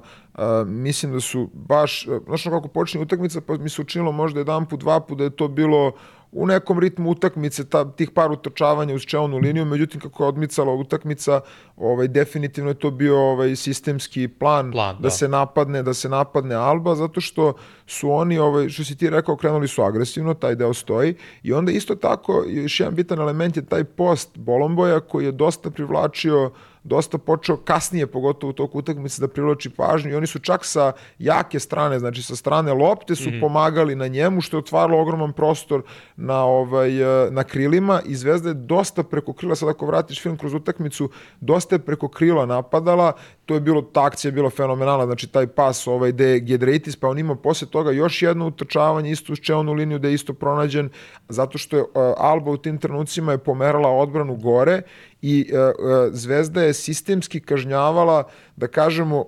utrčavanjima koje su možda čak i iza nivoa table uz čeonu liniju je konstantno kažnjavala tu orijentaciju Albe ka odbrani posta ili ka odbrani reketa da. u slučajevima, dosta su, ovaj, dosta su skupljali, i Zvezda je to iskažnjavala poslije šutima za tri poena Gedritisa, ali ovaj, to je negde da kažemo i logična stvar, ali ono što mi se posebno dopalo je kako su to kažnjavali sa utrčavanjima uz čelnu liniju, jer generalno kada vidiš ekipu koju utrčava, to je meni uvek uh, znak da je ta ekipa otišao na neki viši nivo u igranosti ili sistema, jer svi stoje sad u širini. Znaš, mi kad gledamo utakmice, pogotovo na tom nekom vrhunskom nivou uh, košarke, seniorske, svi stoje u širini. Znaš, i Olimpijakos kad je pravio ove najbolje rezultate, pravio time što su oni jedna od redkih ekipa koja non stop utrčava. I ti kada mm -hmm. vidiš ekipu koja non stop utrčava, puni prostor, prazni prostor, širi, ti možda vidiš taj kvalitet. Tako da mislim da je tu ovaj, baš sistemski Sferopulos gađao taj način odbrane. To su stvari, znaš, e, što ti kažeš, po tome vidiš da je ekipa porasla u nekom da. taktičkom smislu, praćenju, znaš, uh, bila je jedna situacija na Partizan Žalgiris, ono ponjitkino utrčavanje. Jest. Znaš, ja stalno volim da pričam u prenosima, iako se to nekima ne sviđa, znaš, ono, uh, automatizmi. Da, znaš, da, I trener da, Obradović bravo. insistirao na tome, znaš, treba vreme na automatizmi, to su automatizmi. Znači, kad ti dovedeš igrača da zna da isčita reakciju protivničke odbrane, Znaš, jel to, recimo, ponjitke na utrčavanja po čelnoj liniji nisu sad kao, ne znam, igramo 5 na 5, pa je ponjitka utrčao, znaš, i on, improvizacija je bila, ne. Pa nego, to. Nego se Ledej otvorio na pick and pop, ovaj igrač sa ponjitke je krenuo gore da rotira na njega. I on je u tom trenutku kad je on krenuo, on je, pap, lopta je već stigla u ruke, pas, zakucavanje zice, znaš. To, to su te situacije, to su ti automatizmi, automatizmi kada ekipa sama rešava s onim flare screenovima na, na, protiv mis mečeva u kornere, tamo, vamo, znači, to su sve automatizmi kad igrači su u stanju da, ne znam, 7 sekundi do kraja da znaju šta treba da urade bez nekog poziva akcije. Tako da, eto, da, da probam i to da objasnim zašto stalno pričamo o automatizmi, i to je dokaz rasta taktičkog ekipe. Kako ne, i generalno i sinhronizacije i harmonije unutar mm -hmm. ekipe. Ja ne znam šta tu ima kome da se ne sviđa, uh, to je ideal svakog trenera. Znači da ti ekipa prepoznaje i da, da ima automatske reakcije na određeno, možda čak ispadanje odbrane ili način odbrane ovaj protivnika. Uh, ne znam, evo sad sam baš imao priliku da radim ovo predavanje Dwayna Casey-a uh, koje je bilo na klinici. Mm -hmm. uh, I on je tu, da, i on je, predavanje su bile. Jest, i stvarno je dao i puno i saveta, I saveta generalno ono, za ponašanje i za ono, da. Ona 4H da, su mi se svidela da, njegova. Jest. I ovaj Čak mislim to negde i zapisao bio da imam u podsjetniku ono 4K. Ubacit ćemo negde, da, ubacit ćemo ovaj, sigurno neku od epizoda. Ja sam isto zapisao, mislim da imam u telefonu. Uh, ono što je on recimo pominjao kao trener koji ima izuzetno veliko iskustvo, on je sada prešao u front office, ali ima izuzetno iskustvo uh, kao head coach u NBA-u, je to pozivanje akcija i koliko se košarka generalno pomerila da, da što manje akcija onih ono klasičnih pozvanih akcija, što više reakcija na ono što odbrana što daje, je napad efikasniji. To je to je Igor Kokoškov stalno pominje košarka, igra akcija i reakcija. Jest. I sad ti naravno da moraš da imaš određene ulaze u akcije, ali ti prosto ti diktiraš napad. Činjenica. Ali ti ne možeš da diktiraš način na koji će odbrana to da brani. Da li će Tako. možda da ostane u zonu, da li će možda da ide ispod, da li će da brani u dropu ili će da brani u iskakanju, ti ne možeš da utičeš na što. Na što možeš da utičeš? Znači da učiš igrače da prepoznaju određene načine odbrane, da li su to na igraču s loptom, igraču koji pravi blok ili je to pomoć i da u odnosu na to prepoznaju, reaguju i da svi zajedno dođu na taj nivo sinhronizacije da te situacije otvore stvarno, a ne samo da ih vide. I to je recimo e, veličina timova Željka Obradovića, na primjer. Kako ne? E, to je Obradović pričao o nekim ranijim klinikama u smislu da njegovi ulazi u akciju su nezavisni da li protivnik igra čoveka ili zonu. Jest, jest. Znaš, I onda ekipa kad se uvede u akciju, samo dalje posle treba da, da Jest. nalazi te automatizme kako će da rešava situaciju. Našao sam ova da. 4H, znači ka, kako da, on je pričao o tome u smislu kao kako da upoznaš svog igrača, kako da, da mu pristupiš, znači your history, who's your hero, what's your heartbreak i what's your hope. Da. Znaš, to su ta 4H i kao kad to naučiš o svojim igračima, otprilike ono po, poznaješ, poznaješ, znaš kako da mu izgradiš profil. Jest, i on je baš in, insistirao i na predavanju to prosto koliko se mora ovaj doći do igrača, objasniti im prosto, da, znaš, to ti je kao ova teorija koja se često pominje u vezi sa liderstvom da prosto ljude koje vodiš ili igrače koje treniraš ne zanima koliko znaš dok ne vide da ti je stalo do njih prosto i to je, mm. to je mhm. činjenica. On je dosta to potencirao kroz celo predavanje. Tako da jeste i ta, ta 4H su onako, to je bilo u drugom predavanju, mm -hmm. ovo kada je pričao o odbrani, Uh, I stvarno može da se čuje dosta pametnih stvari i da se, i da se iz toga izvuče korist. Tako da, eto, u tom, u tom, ovaj, u tom skladu i ova priča vezano za Zvezdu, a i za Partizan kad se budemo ovaj, dotakli te utakmice Žalgirisom, da u stvari ti automatizmi koji ne znam iz kog razloga ovaj, smetaju ljudima. Ne, pominjanje, pominjanje da, automatizam. Da, to je, ali to je, mislim, i u futbalu, prosto i u svakom sportu ideal trenera da prepoznaju situacije na terenu i da se zna tačno u tom trenutku šta se radi. To važi i za odbranu, to važi i za napad. Zvezda je recimo protiv, protiv Albe ušla u te automatizme lepo iskažnjavala te, da kažemo, nisu to ni propusti, nego su to taktički izbori, izbori Albe, način na koji su oni odlučili da brane u tom trenutku i prosto Zvezda je to čak, iskažnjavala. Čak si potrefila situacija da je Mitrović, koji je sjajno otvori utakmicu kao neka vrsta reakcije na tu agresivnu odbranu na pick and rollu, koji je bio sekundarni kreator, odradio sve sjajne stvari, brzo ušao u penale, seo na klup, ali se kasnije da. ispostavilo da je Alba promenila strategiju na neki način, da čak možda nije ni bila potreba kasnije za da. toki doprinos Luke Mitrovića,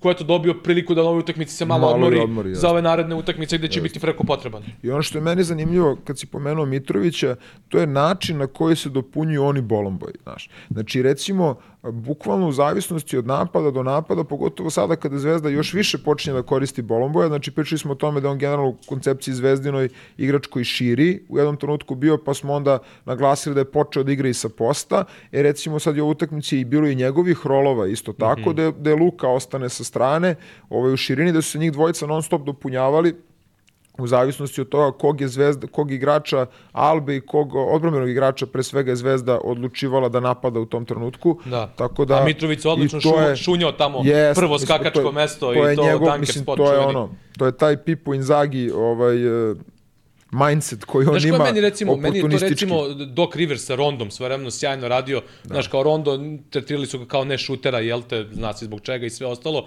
ali Rondo stalno tu ordinirao oko prvog skakačkog mesta, odatle ne smeš da pomažeš na njemu, ima dobar ofanzivni skok tamo vamo i na neki način onemogućiš uh, protivničku odbranu da sa njega mnogo pomažu. Jest, Znaš, tako da... I onda prosto kasnije je Zvezda uvela utakmicu, mislim, u svoj ritam, drugo polovreme je već bilo, da kažemo, rutiniranje. Rutiniranje, Da. bukvalno rutiniranje, da. Da. I ni- nije ovaj ni jednog trenutka se kasnije nije dovodila pobeda Zvezde u pitanje, a opet sad smo istakli zašto i koji su bili bitni faktori da u startu ne dođe do tog uh, širenja krila Albatrosa. Sviđ, sviđaju mi se, po- pominjali smo u prethodnim epizodama, evo i sada ću da se nadovežem, sviđaju mi se konstantno izjave Teodosića i Nedovića posle da. utakmica. Nema populističkih izjava, uh, uvek su onako vrlo, vrlo Jest. transparentni. Uh, Nedović sad posle utakmice rekao da ono, otprilike, zna se šta, gde su bili problemi, ovo ono, bla, bla, trudimo se, idu sad prave utakmice, ovo treba što pre se zaboravi. I zaista tako, to je neki mindset uh, koji Partizan i Zvezda kao veliki klubovi moraju da imaju. Znači, rekli smo, ova utakmica protiv Albe i, proti, i Partizanu i Zvezdi je došla u nezgodnim trenucima, vrlo neprijatan protivnik koji ako ti napravi štetu, šteta je ogromna, a ako i dobiješ, niko više o tome ne priča i negde i treba da bude takav mindset i klubova, odnosno igrača, pre svega da ne treba da se nešto patetiše i da se priča danima o tim pobedama, već jednostavno ova pobeda je Jest. bila podmoranjem za Crvenu zvezdu kao i onomade ekipe Partizana za ovo što sledi. Jest. Znači, jer da je izgubljena utakmica, katastrofa bi bila, a ovako ipak se pravi, da kažemo, neki, e, nek, nek, neka bolja atmosfera, dolazi sada Crvenoj zvezdi duplo kolo, dolazi Real, to će vjerojatno biti e, puna, puna hala, jedna, jedna potpuno drugačija sada atmosfera u odnosu na Da. povratak Da. Španije. Kako ne. I isto tako da kažemo da je i Simonović dobio onako priliku malo u Mhm. Euroligi da da oseti teren, da kažemo, jel? Nije, jer prosto on ima tu veću minutažu u ABA ligi, očigledna je opet namera i ovaj, to je isto pozitivna stvar kod trenera Sferopulosa, što se vidi konstantno kod njega želja da aktivira, Da što aktivira, veći da. broj igrača. A Simonović bi zaista mogao da bude taj neki lepak onog jednog Jest. igrača koji može da igra unutra i s polja da pogađa, znaš. Pa da bude kad-. Petrušev, znači da, Da, bude ono što pa je da. Zvezdi prošle Jeste. godine donosio on. A, naravno, on je trenutno daleko od toga, nije ništa sporno, ali opet nije nemoguće da do toga dođe uz određene korekcije u igri a, i ono što je opet bitno je što se vidi želja kod trenera da do toga dođe. Znači, mislim da je ova utakmica protiv Albe način na kojem mu je pružena šansa, opet neki signal njemu ovaj, gde on želi, gde trener Sferopoulos želi da ga obodri, prosto da da još veći ovaj nivo intenziteta i utakmicama pre svega kroz ABA ligu, ono što smo pričali vamo i za Vukčevića i za Koprivicu, nadovezat ćemo se na Da. to kad budemo pričali o Žalgirisu i da ovaj i da i da ga aktivira, da ga dobije kao igrača u rotaciji. Upravo to. E sad ono što stalno ističemo uh, i pričamo našim gledocima, ta specifičnost Evrolige, uh, ka karakteristike protivnika, gde ti neki određeni igrači, pre svih igrači uloge, uh, u nekim mečevima trebaju, u nekima ti ne trebaju, to je recimo slučaj bio sa Stefanom Lazarevićem. Ovde Da. Alba konkretno nema nikog dominantnog igrača gde njegova odbrana uh, donosi nešto, tako da ga na ovoj utakmici trener Sveropoulos praktično nije koristio i dao je šansu recimo Simonoviću ko, gde mu je bilo potrebno da ga oporavi što se kaže. Ovaj, e sada, uh, koliko sam čuo, Hanga je počeo da trenira, uh, čeka se njegov povratak što će značajno oplemeniti igru Crvene zvezde na, Kako na, na oba kraja parketa i u samoj organizaciji i u smislu nekih uh, pravljenja koncepata Pa- i petorki trenera Sveropulosa, a defanzivno da ne pričamo. Kako ne, Hanga je izuzetno važan igrač za, za ovaj roster Zvezde, jer on prosto zaokružuje taj roster, jer je igrač koji e, donosi iskustvo, smirenost, stabilnost, a, mogućnost da pogodi, a da opet i odigra u odbrani i da iskreira, naravno, ne sad kao primarni, niti Zvezdi treba da on bude primarni kreator, ali da prosto kada se zatvore ove primarne opcije, da on kao sekundarni kreator ovaj, donese neki doprinos. Uh, ja bih istako samo i ovu utakmicu koja je meni iskreno bila i zanimljivija od Albe protiv Mege u, u ABA Aha, ligi. da, da. Izuzetna utakmica. Na- Znači, baš onako izuzetna utakmica. Jeste Zvezda, da kažemo, da nije ovaj, u potpunosti pokazala svoj kvalitet, ali stvarno ne sme ništa da se oduzme ovaj, ekipi Mege koja, je- koja je Igrala odigrala fenomenalno. nevjerovatnu Fenomenalna utakmica. i ceo taj duel, da kažemo, Topić, Teodosić i, i način, na- ali način na koji je generalno Mega odigrala utakmicu je stvarno bio i energetski i, I recimo Partizana i protiv Zvezde su rešenja- pokazali, da, znaš, iz godine u su godinu- igrali dobro. Znači, mi smo to nije- već konstatovali, meni ova ekipa Mege nema toliko po znacima onih dečjih bolesti kao što su neke Jest, ranije mlađe jest, ekipe jest. Mege, gde ti vidiš da na neke neverovatne greške gube od, od, ovaj, od ovih jačih protivnika. Ovde jednostavno, znaš, ono, do, cede do poslednjeg Jest. trenutka, znaš. tu stvarno treba se odati priznanje treneru Baraću. Mislim, Znaš šta sam teo te pitam? To sam, to sam stavio kao jedan topik, Ni- nisam bio siguran da li ćemo stići u ovoj emisiji da pom, ali kad si sad već otišao na utakmicu Mega Zvezda, to sam teo te pitam. Da. Pričali smo uh, u jed, nekoj od prethodnih epizoda kako danas malo teže proizvodimo ovde igrače uloge, neke igrače poput Vese Petrovića, Lazića, šta ti ja znam. Da li ti Stefan Miljanović ide ka tom putu da bude jedan sjajan igrač uloge koji je pritom i do, dobar šuter? Dobar šuter koji igra hrabro, koji igra na lopti, ali opet nije negde tu u prvom planu u Megi, a uvek će da čuva mm. najboljeg protivničkog igrača ako treba spoljnog Da. i da u- usput i pogađa. Da ti delo da ide u tom smeru? Odlično zapažanje. Uh, ja sam jako prijatno iznenađen njegovim Isto. partijama u Megi Isto. ove sezone. Isto, I, isto, isto. I, ovaj, I nije inače uh, slučaj da Mega pravi takve igrače, ovaj, ali mislim da, da, da, da si na nečemu. Ono. Mislim mm -hmm. da si na nekom tragu, da to može, vidjet ćemo do kraja sezone Mhm. Da, da, kako će se ćemo, razvija naravno. situacija, ali je pogađao i protiv Partizana, je stvarno Jeste. pogodio bitne šuteve. A ti vidiš i po njegovom govoru tela da je on Jest. siguran u to. Jest, Znaš, nema jeste. naš ono e, da sad on koje čekamo da on ovo pa će pogodit će kad bude nego on je siguran u to, siguran u svoju ulogu, sjajan u odbrani, znaš, na lopti je konstantno, znaš, ni onaj klasični role player u smislu da ćoškari i da čeka neku Ne, svoju ne, slažem šansu. se, apsolutno. Pa, znaš kako i cela trajektorija njegove karijere, jasno ti je da on se prosto mora da se dokazuje svuda. Znači, on je i kroz OKK, da kažemo, izborio mesto u rosteru, pa je onda prosto i dobrim igrama i pretpostavljam dobrim treningom se izborio za to mesto i ovaj da igra i da bude važan šraf, tako da slažem se da on može da bude ovaj jako interesantan igrač. Znači, pratit, pratit ćemo i ove sezone i u budućnosti, znaš, da li, da li, može, da li naša košaka može da dobije jednog takvog igrača da. uloge spremnog da, da uskoči ako zatreba nekad i e, u budućnosti u reprezentaciju. Jeste. Jesmo sve rekli o, o duelu Crvene zvezde i Albe, sledi e, duplo kolo koje smo mi negde najavili, meč protiv Reala i onda gostovanje ekipi Makabija. A, biće interesantno. A, Real, ja rekoh u prošloj epizodi, kogod da Real sad e, u jednoj neverovatnoj situaciji da igraju sjajno, da su dominantni i sve, s druge strane Crvena zvezda e, promenjivo sa više nekih, da kažem, u javnosti da. istaknutih problema nego, nego ovaj, neki pozitivnih stvari, međutim, prethodnih sezona Real je stalno e, znao da, e, da kako ti kažem, Crvena zvezda znala da pobedi Real u takvim situacijama da. i da, da se da okrene sezonu u nekom pa, drugom smeru. Da se... Ovo je, mislim da tako svi trebaju da gledaju na taj meč.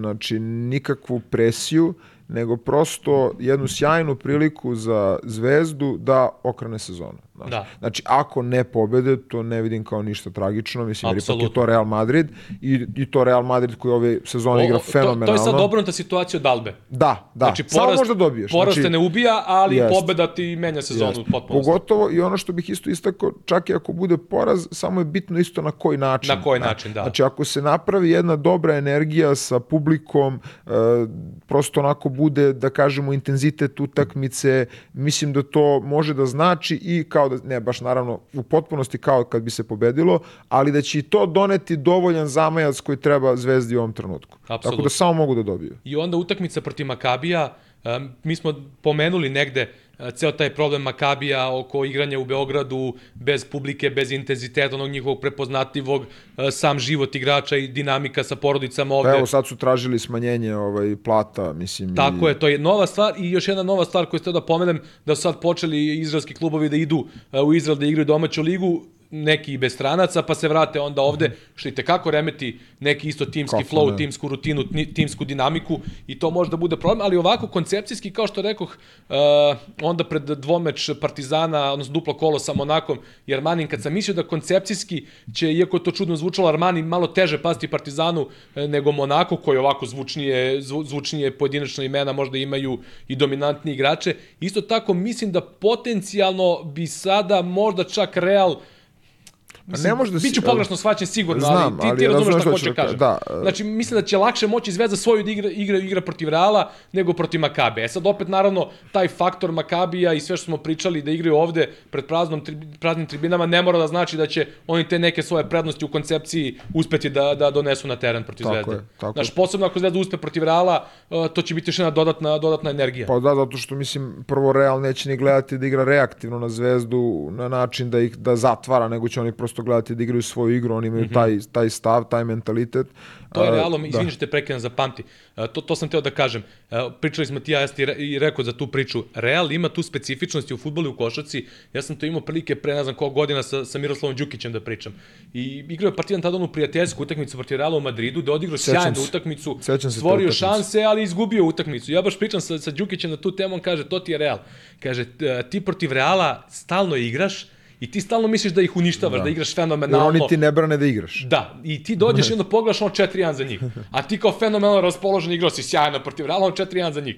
To je isto tako u košarci, a to mislim da to zbog tog go, gospodskog stila igre Jest. uh, Reala i u futbolu, kod- znači oni nikad te neće prebiti u smislu da će ti ići klizeći startovi, da će te tuku na terenu i šta ti ja znam, ovaj, pričamo konkretno o futbolu. Uh, I zato ti imaš stalno te hoće da. da igraš, znaš, nije to neko ko će dođe da ti Pa odigra agresivno pa da ne može da razviješ svoju igru i zato je negde protiv Reala možda lakše u smislu Lakše da razviješ Da svoju igru, razviješ svoju teže igru. da ih braniš. Teže da ih braniš. E, baš to, baš to. I onda, ako se potrefi takva utakmica, takva energija, atmosfera u hali, da oni iz nekog razloga slabije pogode to što treba da pogode, A, ili nek, dođu, a neka ili će neka dođu, utakmica se namesti, znaš, Jest. da slabija. Jeste. Ili, ili jednostavno dođu taj dan prosto neraspoloženi, da kažemo, ovaj, na neki način. Može da se desi da recimo ekipe protiv Makabi, poput Makabija su fizički izuzetno uh, nezgodan match-up za zvezdu. Mislim, tome smo pričali ovaj, i u prošloj epizodi. Spoljna linija, Jeste, da, i ovaj i stvarno imaju igrače koji su ovaj koje je teško pokrivati i koji će dati taj da kažemo intenzitet i drugačiji pristup utakmici odnosno na ono što što bi Real.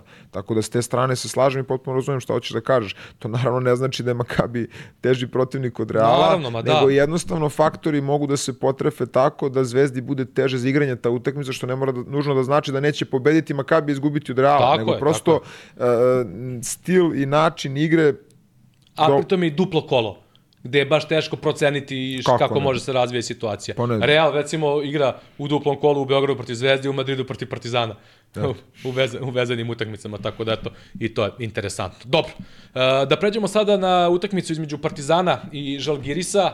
Ako smo rekli za onu utakmicu Zvezde, Žalgirisa, odnosno Žalgirisa i Zvezde, ovaj, na početku sezone da je kao da smo gledali video kasetu da. od prošlosezonske, mislim da možemo istu konstataciju da kažemo i za duel uh, između Žalgirisa i Partizana. Uh, pobjeda Partizana, sjajan, sjajan nastup, sjajno pripremljena utakmica, uh, kontrola tokom celog meča uz manje neke krize, što je potpuno normalno, ne možeš da odigraš nijednu utakmicu u Euroligi od, od ono da ono wire to wire da bude ono 20 razlike, nego mora da bude uspona i padova, što je potpuno normalno. I na kraju važna pobeda za Partizan. Stekao sam utisak razgovarajući sa ljudima da je uh, Partizan uh, bio onako da kažem sprema, a to smo mogli da čujemo na onoj konferenciji posle Armanije da je trener Obradović rekao ok, sad treba da se pobedi nešto i na strani. I imam utisak da je verovatno malo i zbog ovih povreda uh, koje su koje su koje je Partizan imao ono Naneli, Ledej i Jaramaz da je Partizan video ovu priliku, ovu utakmicu kao priliku da napravi taj jedan break na strani, e, posebno što je Žalgiris u specifičnom trenutku, oni su isto bez Bradya, Meneka, uh, Lekavičiusa, koga sam još to zaboravio, Pa i očigledno imaju i prosto do- trzavica. doveli su Samnera da. koji se privikava, došao je Hollins par dana pre toga, znači jedan specifičan trenutak, Partizan je osetio taj trenutak i sama a, a, sama priprema utakmice, gde vidimo brojne detalje ovaj, od strane trenera Obradovića i gde smo videli play-off minutažu i play-off rotaciju, pokazuje da je Partizan bio spreman da igra play-off utakmicu i da mu ta pobeda e, mnogo znači. E, specifičnost je bila znači, da su PJ Dozier i, i Kevin Panter Nisu izlazili. Imali, nisu izlazili, bukvalno. E, Dozier je izašao prvi put na nešto manje od 5 minuta do kraja treće četvrtine, da. Panter još kasnije. Da. Znaš, i, a dosta je Partizan igrao kroz njih dvojicu, jer su to bile neke njiho, njihove prednosti. Pa to pre svega govori o kvalitetu ta dva igrača, da utakmicu tog nivoa, tog intenziteta, pre svega napadačkog, ovo je bilo da kažemo utakmica u kojoj su obe ekipe ovaj, imale taj napadački intenzitet i kvalitet, da igraju i da stvarno im, im performanse gotovo nijednog trenutka ne padaju. A nemoguće da ekipa nema plus i minus faze u jednoj utakmici tog nivoa, a, ali je Partizan odigrao generalno fenomenalnu utakmicu u napadu. Baš. A, I ono što, uh, jedan od razloga zašto, zašto mislim da, ovaj, da su odigrali toliko dobro, je što su dobro premošćavali trenutke u, u utakmici kada nisu imali taj protok. Znači, mm -hmm. oni su, uh, Partizan je uspeo u utakmici... Osam, da. osam trojke je Partizan dao, nije to neka da. sumanuta brojka, A, kako smo navikli da Partizan zna da kad igra tako efikasne jest. i kvalitetne mečeve. A, uspevali su da recimo u trenucima kada im je Žalgiris oduzeo protok, da kada su morali da napadaju situacije 1 na 1, da i tad pogađaju. I da ta tako ostaju u dobrom, e, u dobroj atmosferi, u dobrom osjećaju kroz utakmicu celo, čak i kada se dešavalo da ekipa padne da spusti u jednom trenutku Žalgiris na šest, ili tako, mm -hmm. ne mhm. da li je bilo. Mislim da nisu, na, na, na manje od da, šest nisu, nisu spuštali. Nisu, nisu, nisu, A, opet u tom trenutku već sledeći napad Partizan dao koš. Znači, e, non stop su imali dobru reakciju, čak i kada je ulazio Žalgiris u serije i onaj opšti utisak mi da od prvog do posljednjeg sekunda se isključio Partizan pitao, pitao utakmici. Yes. I kad, smo, kad već pričamo o kasetama i sličnostima utakmice, prošle sezone u jednoj takvoj situaciji gde je Žalgiris krenuo da stiže, Papa Petro je dao da. sa istog mesta maltene trojku koja je praktično vratila utakmicu na, na drugi kolosek, a sada je Ledej dao da, onu jednu. Da. Znači, neverovatno ko, ko, koje su to sličnosti u odnosu na, na te prošle sezonske utakmice. Uh, sve je Matrix, sve je režirano. Neverovatno. A pritom Partizan osam, osam trojke na celoj utakmici uh, u dobrom procentu, ali nije toliko zavisno da. šuta da tipa ti kad pogledaš uh, Partizan je utakmicu otvorio prodorima pod koš, poenima na obruču iz pick and rolla našli su dubinu, uh, znači šta god da je probao Žalgiris Partizan ima odgovor, ali uglavnom sve na obruču je to bilo. Da. E onda se polako uključila, ne znam, trojka, ja mislim da Naneli dao prvu, ako se ne varam, pa je posle Panter dao, znači polako, znaš ono, idemo pod koš, imamo pod koš, papka treba, trojka. Znači pravi neki balans je bio napadački i e, utisak mi je bio na startu da je trener Obradović imao taj neki plan e, on isti ulaz, onaj, e, dobio onaj dva na pin down steger, on je praktično da. za Pantera da izađe po loptu, tražio se neki kontinuitet da se po potrebi skreira mismatch, da se spusti lopta pod koš ili ako ne, da se napadne, ako ostane mismatch gore da se napadne. Uglavnom je partija na početku igrao kroz Pantera. Znači, yes. Pantera je čuvao Gedraitis, U jednom, jednom trenutku ulazi Hollins i to mi je bilo onako interesantno. Znaš, znamo koliko je Hollins sjajan defanzivac i koliko ulogu ima u Crvenoj zvezdi uh, da čuva Pantera. Međutim, ideja, ideja Max Vitisa je bila da Pantera uh, čuvaju drugi igrači, odnosno ušao je Dimša koji je odradio sasvim dobar posao. Hollins ulazi na Dožera, jer je Dožer u tom trenutku preuzeo kontrolu da. i palicu od Pantera i krenuo da kreira, našao da. dubinu u igri, podelio nekoliko pasova ispod koša, gde ja moram da istaknem, bilo raznih komentara, ali ja moram da istaknem sjajne role Balše Koprivice i Tristana Vukčevića. Nisu to sad role, u, u ne znam kakve, da, da, da, nego oni su ušli, nijednog trenutka ništa nije palo u tom trenutku, iako mnogi posle pričali u drugom polovremenu kada je Balši ispala ona jedna lopta i ne znam šta je bilo, ali to su neminovnosti. U ovom trenutku, u prvom polovremenu, uh, si, uh, Obojica su bili u par navrata sekundarni kreatori, posebno Vukčević. Tako su igrali zajedno na terenu. Zajedno su na terenu bili, pa je bila jedna situacija Koprivica short, short roll, vrati nazad, Vukčević ekstra pas, u korner na To je možda bila i najlepša, najlepša akcija. akcija Šta hoću da kažem? Pričali smo o napretku Tristana Vukčevića. Talenat nesporan, sve smo to pričali, se ne ponavljamo. Međutim, počinje taktički da bude zreliji počinje bolje da čita situacije. Trener Obradović mu konstantno na utakmicama priča za neke situacije kad treba da šutne, kad treba close out, kad treba iz toga ono driving kick pass. Znači, polako sve konfornije u toj ulazi, sve iskusnije i iskusnije igra i upravo taj post, po, potez mi je zapao za oko, smiren, smirila mu se utakmica. Zna ono, što smo pričali za Pantera isto. Znači, on sad zna da ne mora da je šutne, da će mu se u nekom trenutku vratiti posle lopta, će moći da je šutne kad da. je sam i, i to hoću da istaknem iz utakmice utakmice u ABA ligi i u Euro ligi u zavisnosti od minutaže, uloge i sve da Tristan Vukčević igra mnogo mirnije, mnogo iskusnije, mnogo zrelije. Ovaj Balša Koprica takođe odradio dobar posao ovo imao ono zakucavanje, imao je, imao je neke greške, ali to je neminovnost, ovaj, uopšte ne treba o tome pričati, ovaj, tako da to, to, su mi, to su mi ovako faktori koje, koje, isto, koje bi isto istakao, jer je uh, Partizan sa Panterom otvorio na jedan način. Prodor i pas na Kabokla, prodor opet ovamo, onda Dožer našao tu dubinu sa pasovima, pa onda u jednom trenutku promenio odbranu, Žalgiri sa Hejsom je počeo da preuzima, I Hayes, sećamo se u, u brojnim utakmicama, ali rečemo protiv Crvene zvezde, kakav je faktor bio i na preuzimanju i sa onim blokadama sa leđa, onako baš je zatvorio reka na toj utakmici, ovde nije Malta ne uspio jedan na jedan nikoga da odbrani. Znači, Panter i Dožer su ga iskažnjavali jedan na jedan u tim situacijama, Znači, onako, baš, to su mi neki detalji koji su mi upali u oko. Da. Ono što je meni interesantno vezano za taj uh, ulazak Collinsa i čuvanje Dožera, je uh, koliko u stvari uh, sad energija, to, to je interesantno, znači recimo mislim da je Hollins mnogo bolji uh, čuvar za Pantera nego za Dožera.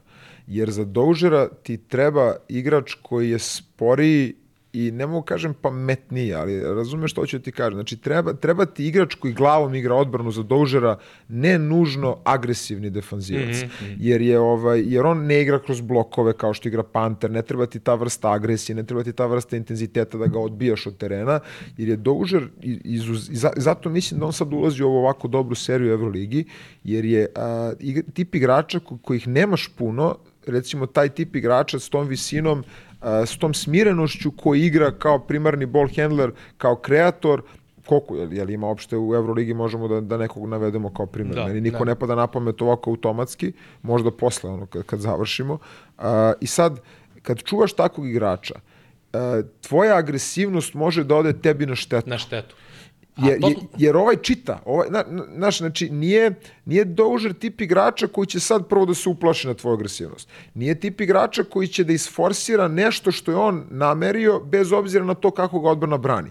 Nego će on, ono, znaš ono što smo pričali i ovaj, protiv koga je bilo to onaj pick and roll, protiv Panathinaikosa, ja mislim, vrat, ono, kad je stao pa je saček koji se do odbrana se otišla je kao na stand, ovaj, pa se pomera, on je samo sačekao da se vrati nazad i dao pas na zicar. Da, da. Uh, taj tip igrača. Jeste. I e, pominjali smo baš u utakmici Žalgiri Zvezda, isto tada odluka trenera Max Vitista da recimo svoje najbolje defanzivce stavlja na Teodosića. Da. Što je opet isto, naš Teodosić isto, nije neko ko će, ti, ko će da te probija jedan na jedan, ali te ne znam, pretrčava, da ti tu treba neki najagresivniji, najbolji defanzivac, ovaj, već ne, neka druga vrsta defanzivca, da. tako kažem. Da, zato tako je to da, tako interesantno. Interesantni ti izbori da. i opet sve to u zavisnosti od rostera, od forme igrača. I naravno taj dan. Mi, taj to, dan. mi to sad kad ističemo, ne ističemo kao kritiku, nego uh, da no, pokažemo kompleksnost da, trenutka, da, da. situacije u tom trenutku u ekipi Žalgirisa, gde Hollins došao kao novi igrač, odradio 1-2 treninga, znaš, i, i koliko zapravo svi ti detalji trebaju da, da, da, da legnu. Jeste.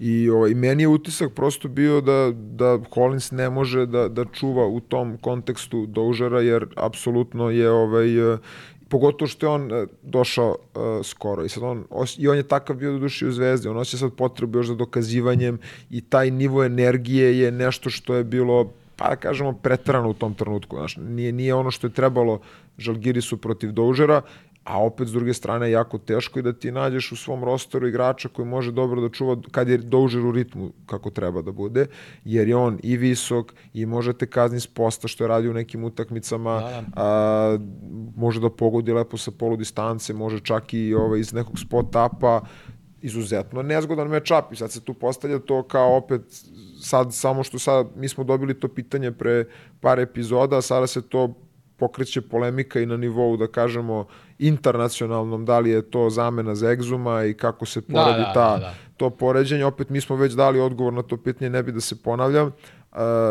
u smislu uh, nekog uh, iskakanja karijernog možemo da pričamo o poređenju s egzumom, ali po stilu igre i načinu koji doprinosi, mislim da je to baš onako ozbiljna razlika u stilu da kažemo Slažem prvenstveno. A pričali smo na kraju da, od pa početka, od prve epizode, ovaj, svakoj po, po nešto pomenemo, znaš. A u ovoj utakmici onako baš bio primarni playmaker, da kažemo. Znači, Jest. od početka on, do kraja. U tom trenutku kako je Panter u, u, ušao u utakmicu kao primarni ball handler i kreator, na, na neke te promene čuvara i sve ostalo, Partizan je samo se prešaltao počeli su dožer i Naneli. Da, I Naneli je jest, odradio 7% jest, jest. kreaciji, isto da to ne zaboravimo. Jeste, Ovo, pričamo konkretno o prvom polovremenu, da, pričamo, da. Da. Ono što smo pričali, da li će i koliko brzo da se prilagodi na, na povratak Pantera, on izuzetno Vrlo brzo, brzo. napravio. Imao je onu jednu utakmicu samo- Jest, samo jednu da Jedna kažem. je bila Beš Panathinaikos, al tako? Ja mislim da I jeste. onda je protiv FNP-a malo krenuo više da šutira, da, da, da, da prodiše, što se kaže, i vrlo brzo se odmah od sledeće utakmice na onom duplom kolu se vratio u onaj prepoznatljiv ritam, tako da ponovo to onaj stari naneli. A, još jedna stvar koju sam teo da istaknem, znači pričamo sad već o tome kako je Partizanova tendencija da igra sa visokom petorkom, a, sa Smajlegićem na tri, to je trener Obradović uvežba, on je i sam rekao da ne, negde i kao potrebu to radio, negde kao i činjenicu da ima problema sa povredama i šta ti znam. Uh, međutim, sada je došao trenutak gde je to što je Partizan uigran sa tom visokom da. postavom je napravilo ozbiljnu razliku. Smajlegić na 3, Ulanovas 0. Ne postoji na utakmici. Znači, Ulanovas je tek na pola treće četvrtine prvi put sišao na niski post i to nakon što je Partizan preuzeo. I nije odatle Da, napravio mislim da je protiv Pantera napao. protiv Pantera da, napad. da, to je, ja mislim, jedini, jedini post-up Ulanovasa na celoj utakmici. A znamo koliko on važan za igru Žalgirisa, koliko odatle donosi sa niskog posta, koliko kreira odatle za druge, koliko sebi kupuje samopouzdanje odatle kada to sve dobro radi, počinje da pogađa i šuteve za tri. Ulanovas skoro da nije bio faktor, iako je ideja bila uh, trenera Maksvitisa u, to, u onoj startnoj postavi da Ulanovas čuva uh, Zeka Ledeja. Baš da bi poništio Ledejovu tu uh, versatilnost u smislu da, da može da ga brani snagom dole, a da opet da mu ne dozvoli da napada s polja. Jeste, ali i tu sad opet dolazimo do tog kvaliteta Partizana koji smo pominjali u teoriji e, na početku snimanja podcasta, a sad sve više počinje da dolazi do izražaja u praksi. To je to e, mogućnost menjanja pozicija, uloga, a, i pre svega ono što možda nismo dovoljno isticali, to je fizički kvalitet Partizana. A, znači, e, cela, celo sklapanje rostera je takvo da mi pričamo ovde o igračima koji imaju i visinu, i građu, I skill. i atletiku, i skill. I skill.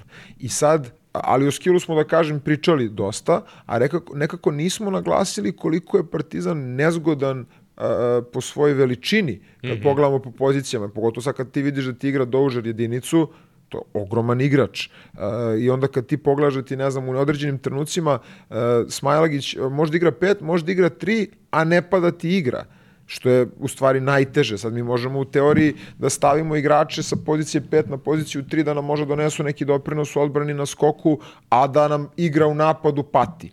A to nije slučaj sa Partizanom. Jeste, još jedan, još, jedna, još jedan segment a, te visoke Partizanove petorke, moj, meni to tako dela, ne kažem sam u pravu, ali mislim da trener Obradović ide par koraka u budućnost, jer ako sad svi oporave i kad se vrati Kaminski, Znači, može da potencijalno bude malo gužva na pet, Da. šta ti ja znam, a Smajlegić je igrač, ja sam to pričao i one prve njegove sezone u Partizanu, da mi je on igrač koji na 3 ili na 5 može najviše da doprinese, iako on uspeo sad i na 4 da izgradi sebe. Uh, ono što bih istakao za Smaj... znači to za Obradovića prvo završi. Znači, naše minute Smajlegiću na 3, Da. da, da ne bude potencijalno ta nazovi gužva s jedne strane, a s druge strane, u odnosu na prvu sezonu, neverovatan napredak Smajlagića u igri leđima sa niskog posta. Nije to još uvek 100% fluidno, nije to još 100% učinkovito za sada, ali ti sad već vidiš neku lepezu poteza, nekih uh, finti, zakoraka, uh, ovih pivota, leđnih Yes. pivota i sve ostalo, gde on iz utakmice u utakmicu jednom do dva puta, nije to još velika količina, Pa ali... dobro, ali na tom nivou košarke je sasvim dovoljan napredak, mislim. Da, da, dakle, znači, postaje i neko oružje sa trojke. Znaš, ono, ranije je bilo to dilema, jer trener Obradović je već u onoj prvoj njegovoj sezoni koristio Smajlegića na nekim utakmicama na tri, zbog defanzivnih potreba preuzimanja, ali u tim trenucima napadački naš nije mogu tu da dobije neku prednost. Sada kada može napadački da ga iskoristi, znači Partizan dobija još jednu dimenziju da je ovo što ti kažeš možeš da radiš šta god hoćeš. Da, da menjaš, da stavljaš, da sklapaš, da ovo, da ono. Znaš, tako da, da to je jedan detalj koji isto moramo da istaknemo. Jeste. To, to je meni jako interesantna stvar, način na koji posmatraš igrače koji igraju pozicije. Meni je ja sam barem uvek tako volao da gledam, a čini mi se da je ovaj to negde, barem, barem u jednom procentu ideja Partizana, na kojoj poziciji si ti u prednosti. Znači, znaš, ono, nekako je, Jeste, jeste, ranije je bilo konvencionalno kao koju poziciju braniš, šta si pozicija, a koju poziciju ti najviše odgovara u teoriji, da kažemo da je Smajlagić najviše četvorka, tako, u nekoj teoriji. Ali ovo što si ti rekao, se slažem apsolutno da je on efikasniji na pet i na tri I na nego tri. što je na četiri. Uh, Jer na pet je brži, jel tako? Uh, prve sezone Smajlegićeve, kada je sjajno započeo, pa se povredio, onda došao Lesor, mnogi su smatrali kao eto, posle povrede mu je teže bilo se vrati. Moje mišljenje tada je bilo da je samo uh, činjenica bila da je on više igrao na pet do dolaska Lesora Da. i da on bio tu opasniji, pick and pop, trojka, izađe mu, probije, pap, pap, pap. Znači sad kada je on nadogradio ove druge segmente igre, close out, uh, leđna tehnika, shoot, tamo, vamo, sad to više uopšte mislim da nema veze, ali može i na četiri da, Jeste. da doprinosi. Zato što je on Mislim, stvarno... i radi to. Jeste, ali on je i kroz svoj razvojni put, da kažemo, znači pre svega dok je još uvek igrao u beku, on je i tada umeo da igra i s polja i na poziciji krila i on je jedan a, fizički uzorak stvarno nestvaran. Znači njegova karijera je kasnije otišla u smeru unutrašnjih pozicija, ali on je imao tu potentnost da kažemo da se možda ispusti jer je izuzetan atleta, ovaj, to se mislim najviše vidi pre svega po njegovim zakucavanjima. Da, jel? bre, on je znači to, to, to nije... Deluje to, ti da, da je sa 40% skočio, a bio je iz, Upravo to, znaš, ali to Ali je- tako što ti kažeš i u beku, bio on u beku, ti, ti stalno imaš utisak da je on ono tri klase i, Yes, ispred mislim, svih. to su, ono. to su neki stvarno nenormalni statistički učinci, ono, nestvarni zaista, mislim, to su neki triple dublovi čuda, a, jer je izuzetno a, potentan u tom smislu da može ovaj, i da bude brz i da bude snažan u isto vreme. E sad, naravno, za nivo vrhunske seniorske košarke nije imao taj skill set da može da se spusti čisto na trojku, da može odatle da kreira, ali je ovaj način na koji se sad koristi, mislim, najbolji mogući način na koji on može da bude iskorišćen kao igrač, gde on se stavlja u poziciju da napada te kratke, brze situacije iz spot-upa u kojima je izuzetan, da može da pogodi šut na tri poena, a da opet kad igra na poziciji 5 može da izlači pop i da ovaj, a fizički opet je dovoljno snažan da može da odgovori na postu i u kontaktu i na Tako je. skoku. bre. I sad, uh, ajde ja stalno pričam o Smajlegiću koliko je bitan njegov doprinos, nekad i pocenjen, da on čak i prošle godine u nekim od najvećih partizanovih pobeda, uvek je on bio na terenu, uh, iako je možda statistički lesor je nekako na neki drugi način upada u oči i sve, uvek neke najbitnije pobede, on je bio na terenu, njegov potes je bio taj koji je vodio utakmicu u nekom dobrom smeru. Uh, ono što, što mislim da za Smajlagića, da su sada počeli i drugi timovi i treneri da mu daju kredit i respekt. Uh, recimo serija sa Real Madridom. Meni je bilo neverovatno da uh, Ćus Mateo tek na pola treće, tre, uh, na pola Da, treće iz utakmice... popa je pravio ogroman problem, Popa, a realno. znaš, oni ga, imuca ga nisu tretirali kao, mislim, možda sad to prejaka, Kao faktor, kao, kao oružje, faktor. kao... Da. da. Znači, u jednom trenutku je delovalo da, ajde, ovaj bio Da su povređen. iznenađeni. Tavares je bio povređen, pa nije, nije sve igrao, ali u jednom trenutku će mu utisak da Tavares na tim utakmicama je ono slabost Reala, ne prednost. I onda je tek tu krenuo da se prilagođava Jeste, Smajlagiću, onu pil odbranu da igra. da igra i- pil, da preuzima i ovaj i, i onda kao je ima utisak kao da tog trenutka kao bilo nećemo im da se prilago, prilagođavamo Da. njemu. Znaš, mi imamo koga čuvamo, Panter, ovo je ovo, nećemo tu da se prilagođavamo, a onda na kraju on zavredao pažnju da sad, i, mislim, možda to neki ono Ne, upravo, overstatement ili ne znam ja nije, šta, ali, ali ta, takav sam ja utisak stekao, Mislim da da je sada on 100%. zavredeo pažnju, da je on sada ozbiljan faktor, a ovo što ti rekao, znači trener Obradović je poznat po tome da on uvek traži dve do tri slabe protivničke tačke i to napada. I te petorke koje može sada slaže, samo idu u prilogu tome i ovo što ti rekao za Smajlegića na tri, da je to sada e, ne, neka vrsta partizanovog oružja. Jeste, jeste. I mislim, Neće biti protiv svih timova, ali protiv, je. do, protiv dosta njih hoće. Ali upravo to je veličina i trenera Obradović i ove ekipe Partizana što oni konstantno mogu da menjaju i sistem i da menjaju igrače na terenu, da mogu da igraju sa niskima, samo što je stvar u tome što i Partizanovi niski nisu niski, mislim, Da, uopšte. da, da. I onda i zbog toga može relativno lako da, iz, da iznese I nisku ovi, petorku. I ovi koji su možda niski, ne znam, oni su atletski Da. isto tipa Jest, Jaramaz. jest, Atlet, jest. Atletski je specifičan i, I sve je to očigledno ciljano, znači ni- ništa tu nije slučajno. mislim. Da. Uh, Kaboklo isto je... Kaboklov sjajna partija. Ono Generalno se brže, brže i bolje prilagodio nego, nego što su... Šuškin, da. A radi sve one stvari koje smo mi najavljivali da će raditi. Da. Oni, ono što sam ja pričao par puta, da čak i kad nema poziciju, da će da iščačka iz toga na, na, na svoj wingspan, na, duži, duge no. ruke.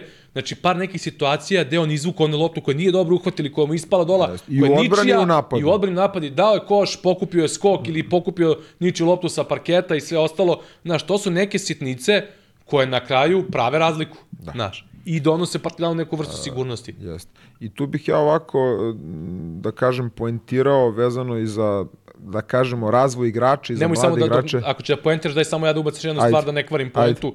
Ovaj, e, samo još da objasnim, apropo ove priče malo pre za Stefana Lazarevića za igrača uloge, ovo je jedna takva utakmica bila e, fizički zahtevan protivnik, gde recimo Andjušić koji je imao sjajne role u prethodnim nekim utakmicama, ovde nije imao minute, da. ovo, iz prostog razloga što kažem, bila nije sužena pet- potrebe, Nije bilo potrebe, ali to ne znači da nekim sledećim utakmicama neće imati. To kažem čisto iz razloga onoga što smo pričali na početku našeg podcasta, da ljudi trebaju da shvate da su profili protivnika takvi, profili igrača sa tim širokim rosterima I, sada. tako, I tokovi utakmica. To, tako je. I Treneri imaju bitno. mogućnost da neke igrače, posebno igrače uloge, na nekim mečima ne koriste, na nekim koriste manje, nekim koriste više. I eto, znaš, jer obično ljudi se dalje pitaju, ko što nije igrao on, što nije igrao ovaj, što nije igrao onaj.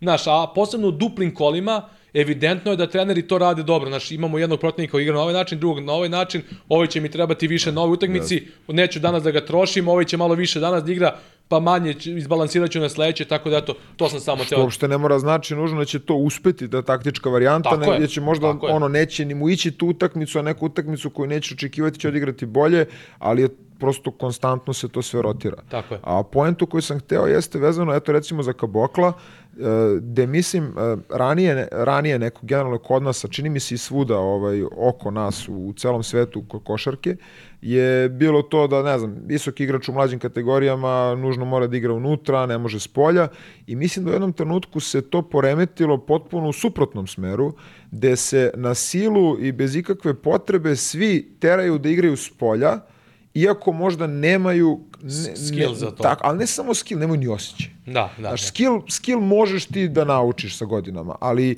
a, osjećaj, senzibilitet, atletiku isto tako za spoljnu poziciju nemaju svi. I Imamo korišćenje, primer... ako, i ako imaš Da. atletiku, ne znaju svi da je koriste Jeste. na spoljnim I pozicijama. onda šta, šta može da se desi kao problem? Recimo Kaboklo ima tu sreću ovaj, u svojoj karijeri da se okrenuo Četvorci i petici. Tako je. I tu je napravio zaokret u karijeri. On je kao krilo, a on je bio, da kažemo, opet jedan duži vremenski period svoje karijere forsiran kao krilo, tako je i biran, tako je i projektovan bio da bude interesantan igrač u NBA ligi, uh, je bio ispod prosečan. Znači, nije, nije čak ni prosečan, nije ispod prosečan, jer jednostavno čovek nema osjećaj za to, nema tu veštinu, ne može da igra tu poziciju. A recimo sada na toj poziciji koja je sada da su 4 i 5, a čak i više 5 nego 4, on je izuzetno interesantan i koristan igrač. Znači, mislim da se pravi velika greška generalno u radu s igračima, da se nužno teraju da budu, pa recimo i Lesori u ranim fazama karijere je bio neka četvorka, koristili su ga više ovaj, kao igrača koji može možda iz popa pre nego što je još došao u zvezdu bio. A, I onda je on u stvari napravio najveći bum u svojoj karijeri kada se isključivo krenuo petici, ali ono petici, petici, znači ne petici koja širi, ne petici koja pokušava da radi previše stvari na terenu. Mislim da se tu pravi greška i da na taj način se igrači koji bi možda bili korisni unutrašnji igrači onespos, uh, onesposobljavaju da budu korisni u onim ulogama koje su njima realne da igraju u seniorskoj košarci, forsirajući ih da kao igraju s polja, da nešto, ne znam, oni će da nauče, a vidiš da to jednostavno ne funkcioniše i ne ide i na vreme ga ne preorijentišeš na ono što treba da radi i dobiješ sutra igrača koji je šta? Igrač od recimo 205, pošto je to neka uh, visina kad pričamo o tim igračima koji kao se teraju da igraju s polja, igrača koji ima 205, koji ima neko telo, ali to telo nije funkcionalno, ne može se stavi u kontekst igranja utakmica, nema dovoljnu veštinu da igra s polja i ne zna da igra unutra i nije naučio kontakt i, znaš, on ima, e, Kaboklo ima taj luksus, ima 230, možda da ima 210 raspon ruku, možda ne bi ni on mogao da se prebaci tek tako. Sigurno. A, I onda dobiješ šta? Dobiješ igrače koji nisu ni za jedno ni za drugo i mislim da a pominjali smo recimo i Lazmea i Heinza u prethodnim epizodama igrača od 2 metra ili ispod 2 metra koji na vrhunskom nivou igraju unutra, da ne treba nužno bežati od igre unutra, da to možda bude ovaj, jako korisno i za te igrače sa kojima se radi i za njihove karijere. Uh, još jedna stvar koju sam teo da, da napomenem e, sa ove utakmice, e, opet neka mini rola Matejuša Ponjitke, u važnim da. trenucima utakmice. Sad, sad se već polako on etablira kao jedan igrač koji često čuva do, dominantne protivničke ball handlere svojom da. visinom, snagom, još uvijek ponjitka i dalje daleko od, one, od one da, neke svoje da. uloge i neke svoje, znaš, i dalje mi deluje stidljivo i ne samo u igri, nego čak i ovako nekim ovim odnosima kad se slavi i ostalo, stalno mi deluje kao da, da, da je nešto stidljiv, znaš, a to nije, nije još uvijek to, s jedne strane. Međutim, pametna igra, ono pričali smo ono utrčavanje, eh, kao deo neke strategije, to utrčavanje, to odlično čitanje, to čak više ne može ne se podede po čitanje u potpunosti. Jer je automatizam. Deo, deo automatizma, ali opet taj tajming u kom trenutku on krene u taj kat, to, to je nešto što pravi razliku. I on kad napravi taj kat, nijednom do sada se nije desio da je ovaj njegov igrač uspio da se vrati, da minimalno bar oteža pas ili bilo šta, ili pojene pod košem. To je svaki put zicer, ono kod je sam u hali. Ovaj, tako da to čitanje ovaj, njegovo je onako fenomenalno i ovaj, sad kažem, očekujem nekako da i on počinje sve više i više da, da doprinosi. E, još jedna stvar, e, onako sad već iz Partizana i Zvezde krenuli onako, da, da komentarišu da su i dalje na nekom tržištu. E, Zvezda je pominjala dve pozicije, pleja i centra, ako sam dobro shvatio, ali trener Sveropoulos je rekao da naravno neće sad žuriti i po svaku cenu menjati ako ne mogu da nađu uh, prava rešenja. S druge strane, Partizan sada još uvek se ne zna zvanično koliko će odsustovati Avramović, ali po nekim informacijama koje su izašle u javnost, ne manje od dva meseca. Što znači da Partizanu potencijalno možda treba igrač na poziciji playmakera u kom Partizan isto tako otvoreno priča. E sad, da će biti neki promena, to ne znamo, ni ćemo da ulazimo u to. Ono što ja mogu da kažem samo da je na tržištu baš teška situacija. Jer ti kad vidiš, i nije samo ove godine, nego i prethodnih godina, tebi sad pa, čak i kad imaš budžet i pare... Ubijeno je tržište potpuno nema, nemaš, sa G-ligom, sa ugovorima sa, u NBA-u koji su Znaš, prošireni. Znaš, ti sad kad vidiš da sa Armani mesecima muče ne mogu da nađu igrača, sve ti je da. jasno. I do, će da doje do ovog iz Prometeasa, uh, i to pazi sad, oni iz Prometeasa traže igrače i oni traže ogromno obeštećenje, ovaj, a da li uopšte on može na tom nivou da im donese odmah kvalitet, Ne znam, pominje sad i Niko Menion da bi mogao on da pređe da. u Armani možda. Ali mislim, da, a tu možemo da se nadovežemo na onu temu menjanja. Mada me, recimo meni Menion stvarno interesantan igrač. I meni isto, ali mu Ove, treba do, dobro okruženje, dobra sredina. Jest. Ja sam mislio da će to naći u Baskoni, ali nije našao. Nije našao, nije i, našao. ali ne treba ga otpisivati ne, kao nikako, interesantnog nikako. igrača.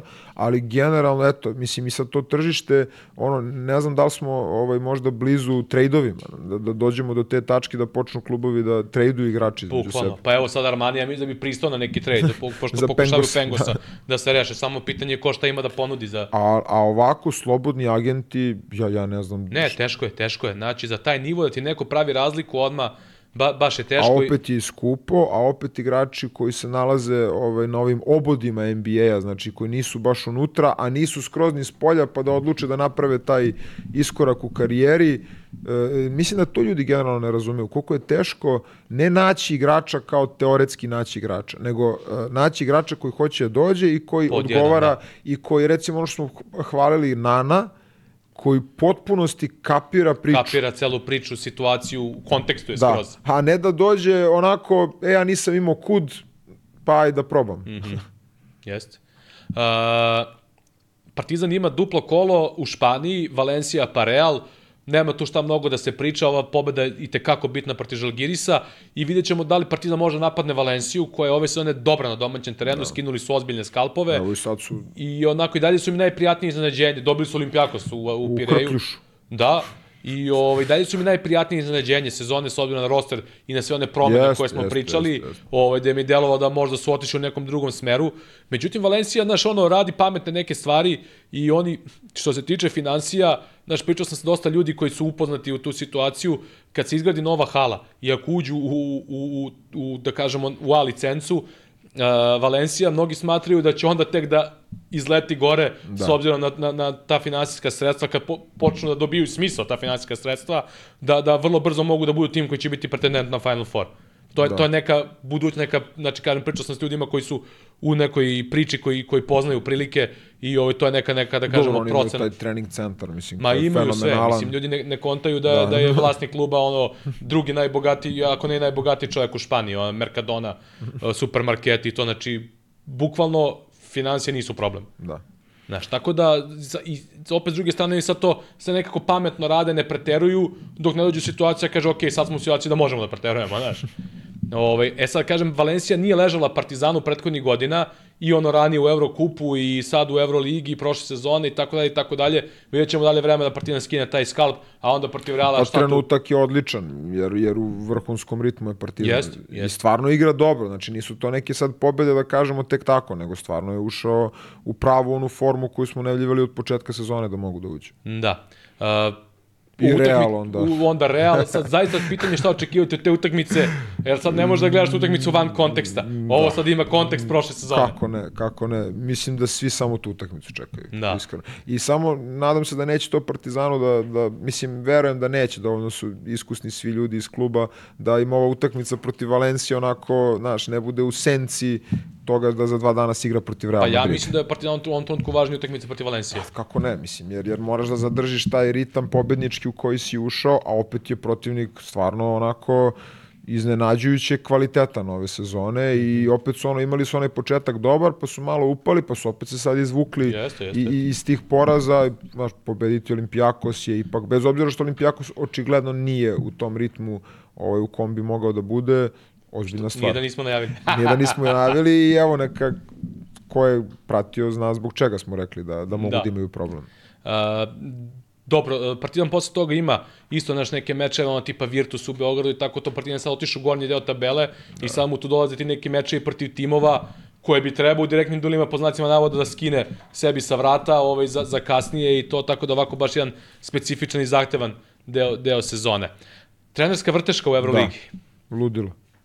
Znači imali smo situaciju da je Fenerbahče otpustio trenera i Tudisa, da je bila drama da li će Trinkieri i Šarunas Jasikevičius da dođu po nekim izveštajima Jasikevičius je bio prva ideja, pa se nisu dogovorili, pa su probali Trinkierija, pa na kraju se Šar- Šarunas Jasikevičius došao, pa se onda desila cela priča sa Žalgirisom i Tenorom Maksvitisom, pa se tu pominjao Trinkieri, pa na kraju su igrači dali podršku ovaj, treneru Maksvitisu koji ostaje tu. Ja sam pričao nekim uvodnim epizodama o treneru Maksvitisu da ga vrlo cene iz onog razgovora koji sam imao sa brojnim trenerima i pomoćnim trenerima, da ga i tekako cene, uh, da je trener koji ima dosta dobre ideje, da je teško skautirati Žalgiris uh, i da često i drugi treneri uzimaju te neke ideje koje, koje vide od njega.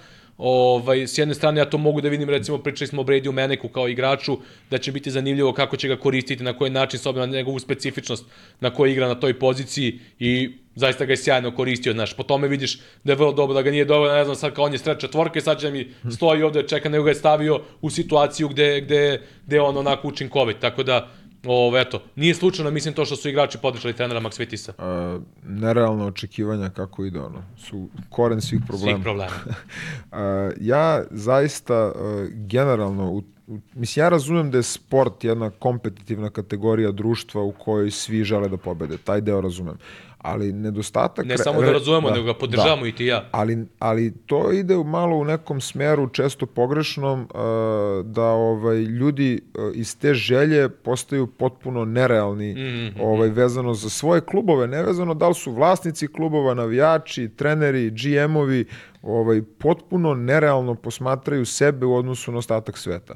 Uh, sad mi svi imamo neke ambicije, ima ih Žalgiris, ima ih, ima ih Fenerbahče, a Fenerbahče imao seriju prvo povreda neverovatnih. Mislim, I koje su prošle im, i ove sezone. Koje su im okrenule sezon. E sad, da li je to nešto vezano za trenažni proces, to neću da ulazim jer ne mogu da znam. Prosto, ako je možda tu negde stavljena krivica na stručni štab trenera i Tudisa, ali uh, gledamo, ako pogledamo sada roster Žalgirisa uh, i gledamo njihove rezultate, šta je tu nerealno?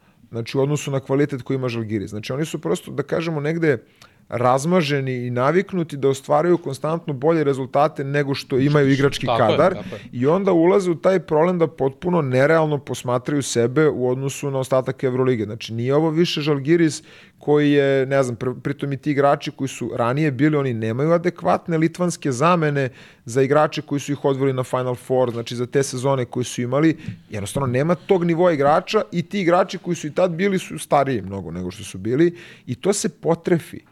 Znači, ta vrsta sinergije, hemije, kvaliteta se potrefi jednom u pet godina. I nije laka sredina, da se razumemo, znači Žalgiris nije lak fit za bilo kog trenera. Jest. Znaš, i sad ja sam dož, baš razmišljao ako Trinkeri dođe, a, koliko će to biti dobar fit za njega.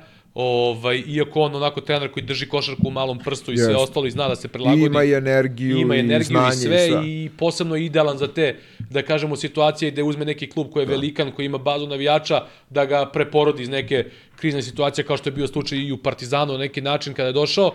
A, međutim, s druge strane, videli smo kako se proveo Martin Schiller, koji je došao sa modernim idejama, solidno je to krenulo, ali jednostavno u tom trenutku, tom modernizacijom, Žalgiris je izgubio svoj smisao i svoj DNK, čvrstine, fajterstva i tu je krenuo da ide u problem.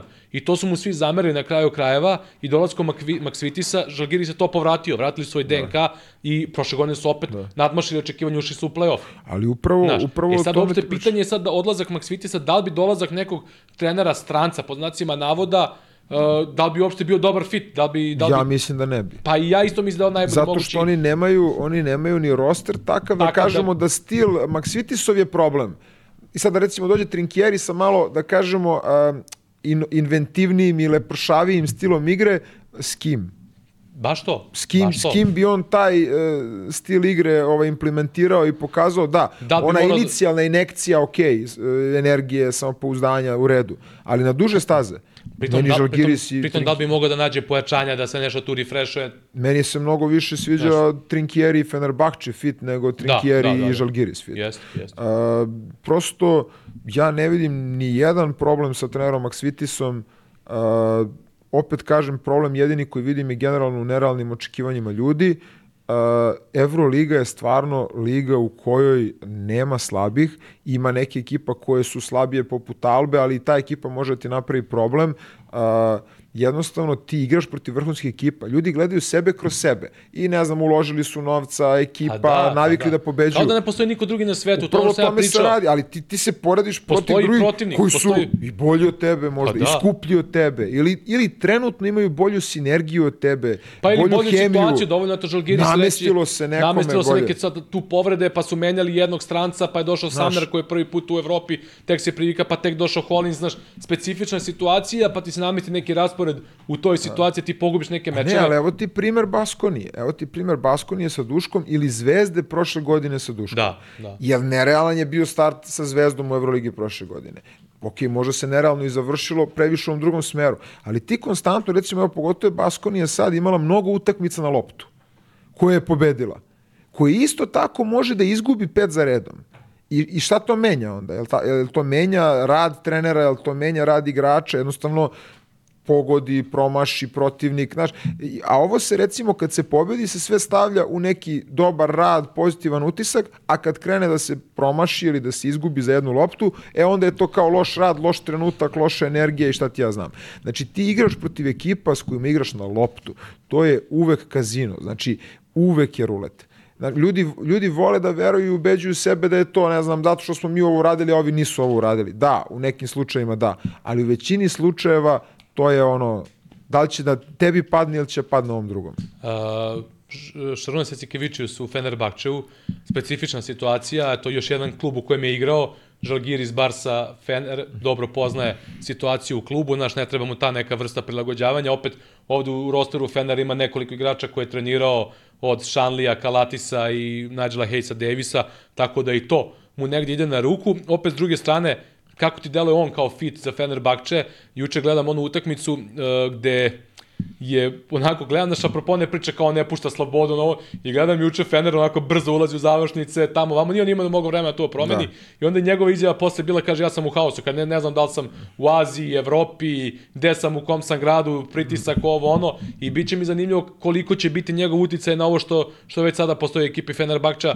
za koje i dalje mislim da je Final Four ekipa, znaš. Jeste. A kad su zdravi, Što spremni se tiče kvaliteta i potentnosti rostera sigurno, meni je, kažem ti, za nijansu mi je, osim što je za Trinkierija bolji fit ovaj Fenerbahče nego što je bi bio Žalgiris, ja, ja bih možda isto pre izabrao za ovaj sastav Fenerbahča, pre bih možda izabrao Trinkierija nego, nego Jasikevičiusa, ali isto tako izuzetno cenim Jasikevičiusa, mi smo pričali o tome Ma da, da, ne da. vidim, ne vidim tu taj narativ kao, ne znam, on je bio problem Barcelona, Ma, evo sad Barcelona ta- pada, taj Barcelona narativ ćemo da pada. vidimo na kraju sezone E, ili sledeće sezone jest, i to. jest. Znači, to, to nije sprint, to je maraton. je. Jest, i baš zato to, znaš, kao, e, evo, nema Šarasa, sad je proigrala Barcelona. Da, vidjet ćemo Evo, ta, ta sloboda od- o kojoj pričamo, vidjet ćemo da će ta sloboda dati rezultate na duže treba, stazi ili neće kad dati. treba. Da. E, baš zato i... Možda će i dati, ne kažemo mi da pravi, naravno. Ali ovaj, bit će mi jako interesantno da, da vidim kako će to da funkcioniše kada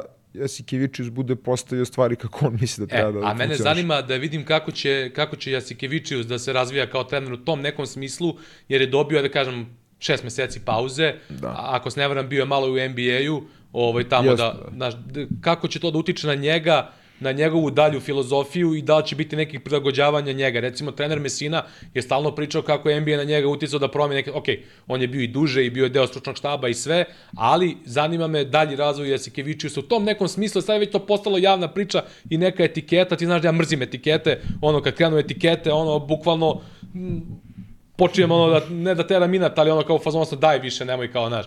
Tako da me sad to ću pratiti kako će izgledati igra Fenerbahča pod Jasikevičiusom i na ovaj roster koji opet nije on sklapao na neki da. način. Ovaj, tako da onako, Izazov, izazov za izazov njega i zanimljiva, trenera, zanimljiva da. stavka za dalju sezonu za praćenje. Jest, jest. Jer smo završili sa Euroligom. E, Vlado, koliko smo upucali do sada? Jel imamo vremena za još neku temu? Ajde još malo, imamo fore, da, da, dve- za, dve, tri, za dve, tri kratke teme. A još jednu partiju. Za dve, tri, za dve, tri kratke teme. A, Na pet da, minuta ćemo stavimo ovaj... da ne završimo sa Euroligom, e, rekli smo da ćemo da krenemo sa tehničkom Majka Jamesa juče. Da. Uh, Brate. Ne, ne stvarno, ne, Ne. nemam komentar. Pa nemoj mu NBA, idemo skroz je. Ne, ovaj, imam ovaj, generalno se i meni namestilo par nekih situacija, ono što smo pričali za ovaj, Bobija Knighta za stolicom gađanja određenih figura u sportu, a, tako da bih u tom kontekstu prokomentarisao i tu tehničku grešku. Neverovatno, a, pogrešno, a, katastrofa, ne, ne znam uopšte koje bih reči mogu da iskoristim, ubijanje suštine Emocije. sporta, draži sporta, svega onoga zbog čega ovaj, smo mi ovde i sedimo ovde.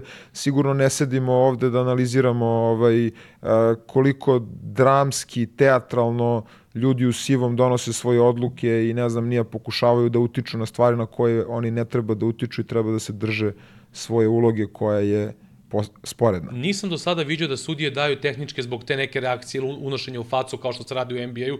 Ja sam tada kad je to počelo u NBA-u prenosima pričao kako me strašno nervira to jer će ubiti emociju, a sa druge strane uh, im, imam razumevanja i za te uh, donosioce odluka, ali mi se ne sviđa što ti kada donosiš te odluke ne ide dvosmerno.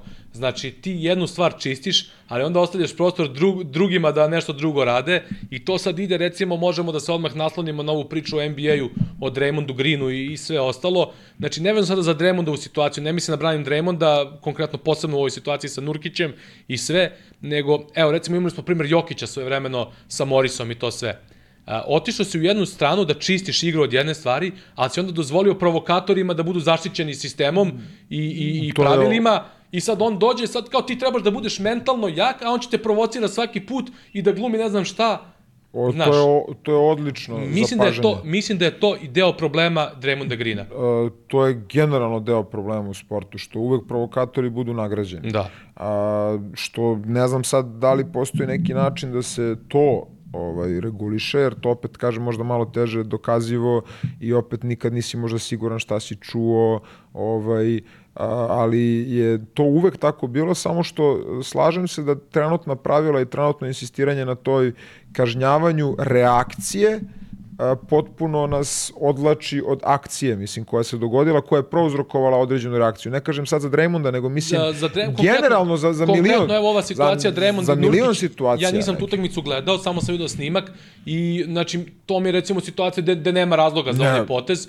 Nisam gledao utakmicu, znači ne volim da ulazim u dublje analize kad nisam gledao celu utakmicu, kad nemam god da je, ceo kontekst, ali ono po onome je- nije bilo nikakve provokacije. Ako smo negde, ja sam bar probao da nađem neko opravdanje za slučaj sa Goberom, Da. gde je tu gužva, magnovanje, Da. ti ne vidiš ko se tu pa ti skačeš da braniš. Ne, da ovo, ovde- tu je- ovde u ovoj situaciji ne, nemam ono, ne, neko objašnjenje šta se desilo, ali generalno ovo, ove neke situacije ti kažem imaš ljude koji te provociraju, koji sve rade, moraš da nađeš način ili bar da izbalansiraš tu reakciju protivnika. Ti si imao ranije igrače koji su, ne znam, ono, ne znam, Van der Spiegel i ovi koji te štipaju za bradavice, uvrću, e, ne znam šta sve radi. U ono vreme kad smo mi igrali kao klinci i na manjim terenima, bilo je svakakvi kontakata, Bilo jel te? je, da. I ako će nekog da pustiš da ti radi to, ti, ti moraš da, da, da, da onda očekuješ i reakciju igrača kome se to radi. I da budeš ne blaži, nego da nađeš neki balans kako će to da, da rešiš. Znaš. Pa ili da nađeš način da kazniš i ovo uvrtanje, brate, bra, A ne, pusti, pusti igrača da mu, naš, laktom skloni ruku. Ili nešto. Da, Znaš, da. nemoj A- da, da ti odmah reaguješ to kao te, to preterana agresivnost, Ili- a puštaš ovo, ne znam, štipanje i Ili ne znam tužba ja. za zlostavljanje. A? Pa mislim. da. Znaš, puštaš štipanje da ne kažem šta se još sve radilo. da, da, ima tu ovih raznih. Štipanja, uvrtanja i, i šta sve ne. I guranja i svačega. Da. Gde ne treba. Pa da. Ali pazi, to su stvari, znaš, ono, a nekako to ranije bilo bolje izbalansirano.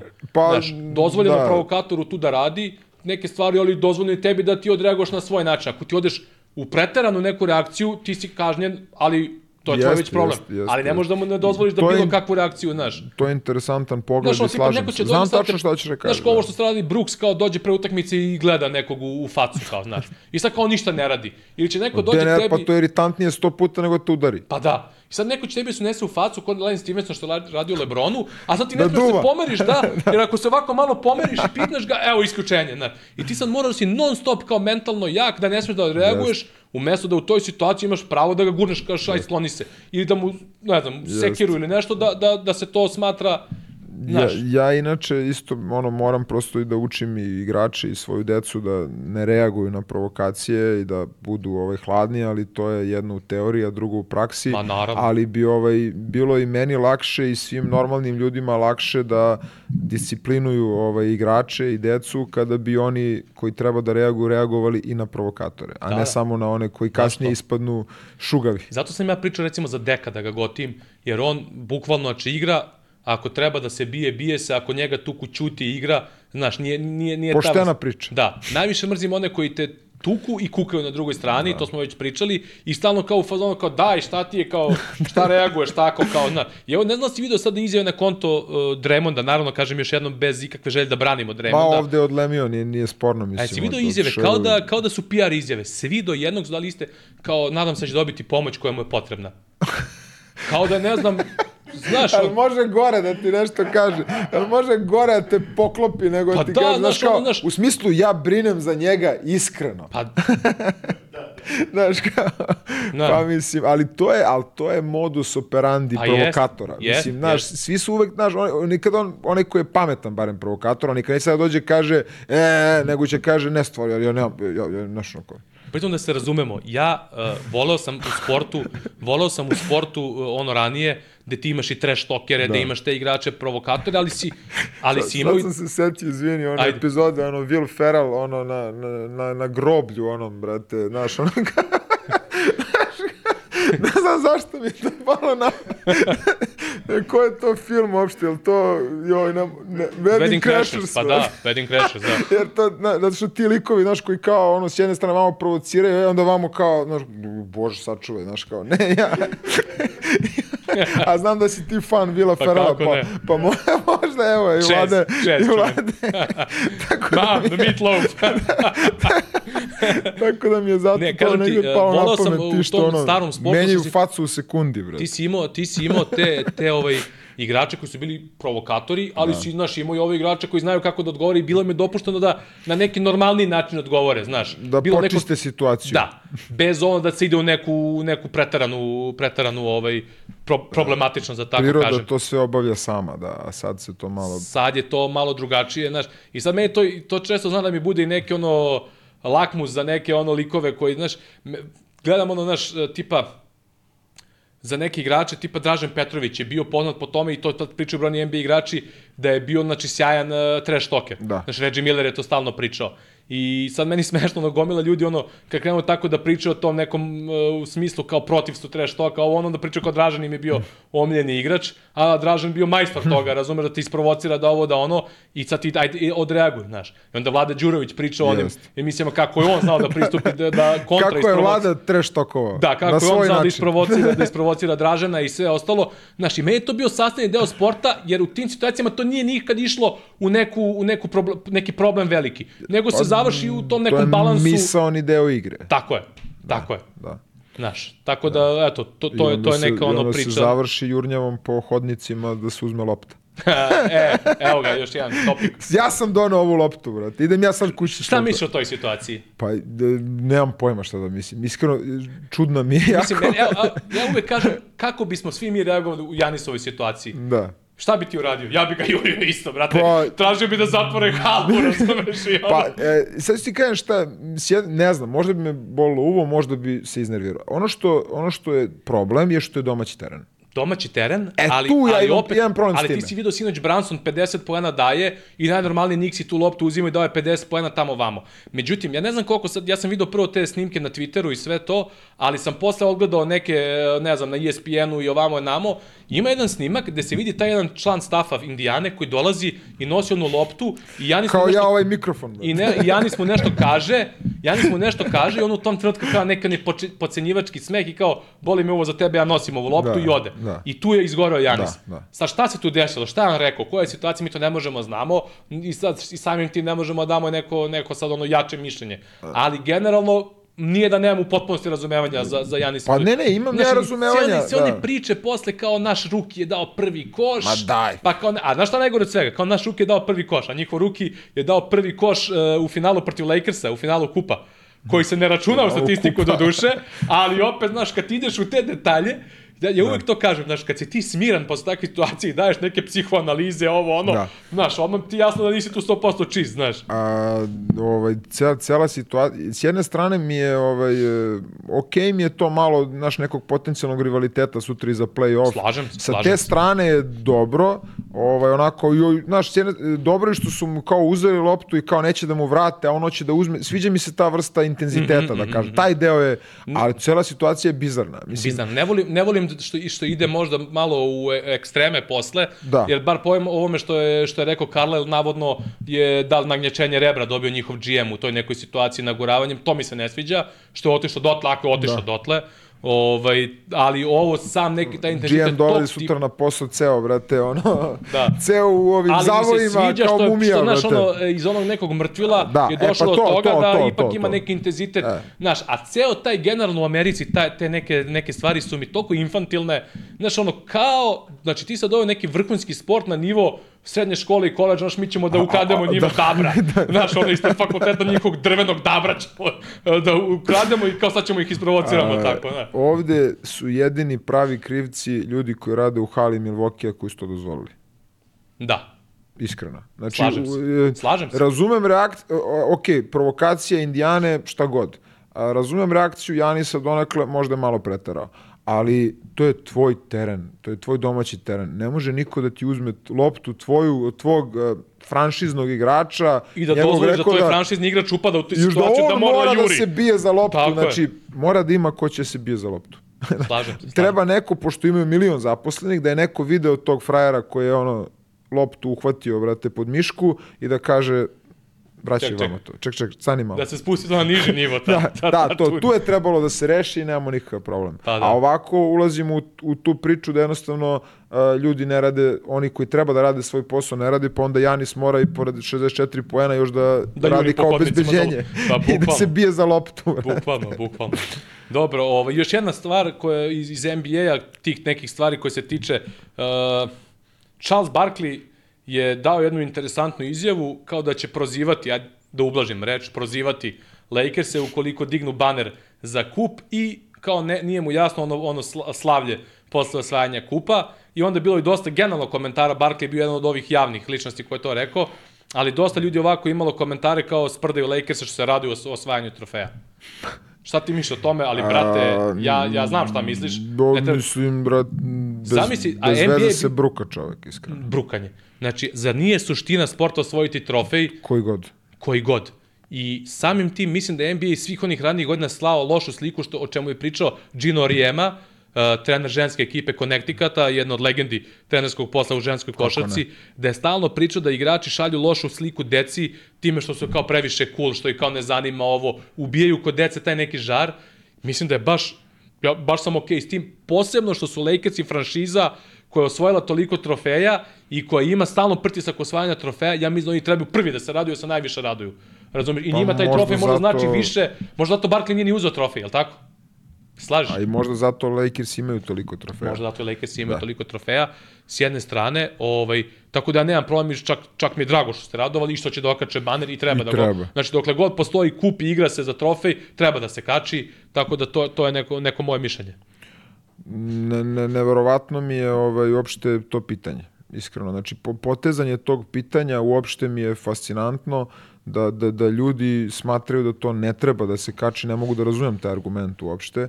A, a pogotovo to, a, ajde da, da donekle mogu da, da shvatim, a da ne mogu, a, da li da se kači baner, da, da li da se raduju ljudi, prvo, mislim, što se ne bi radovali kad se pobedi u, u utakmici koja je regularnom delu sezone, a kamoli ovaj, a, da si osvojio neki trofej koji je, brate, ono, legit trofej, brate. Znači, nije, nije nešto što smo sad ja i ti izmislili, pa delimo jedni drugima nagrade. Znači, morao si da pobediš, da prođeš grupu, da pobediš utakmicama, da, da ga osvojiš, mislim. Tako je bre. I, ovaj, I svaka čast Lakersima na tome i naravno da treba da se raduju ljudi i glupo mi je uopšte da pričamo o tome. Ma, apsolutno.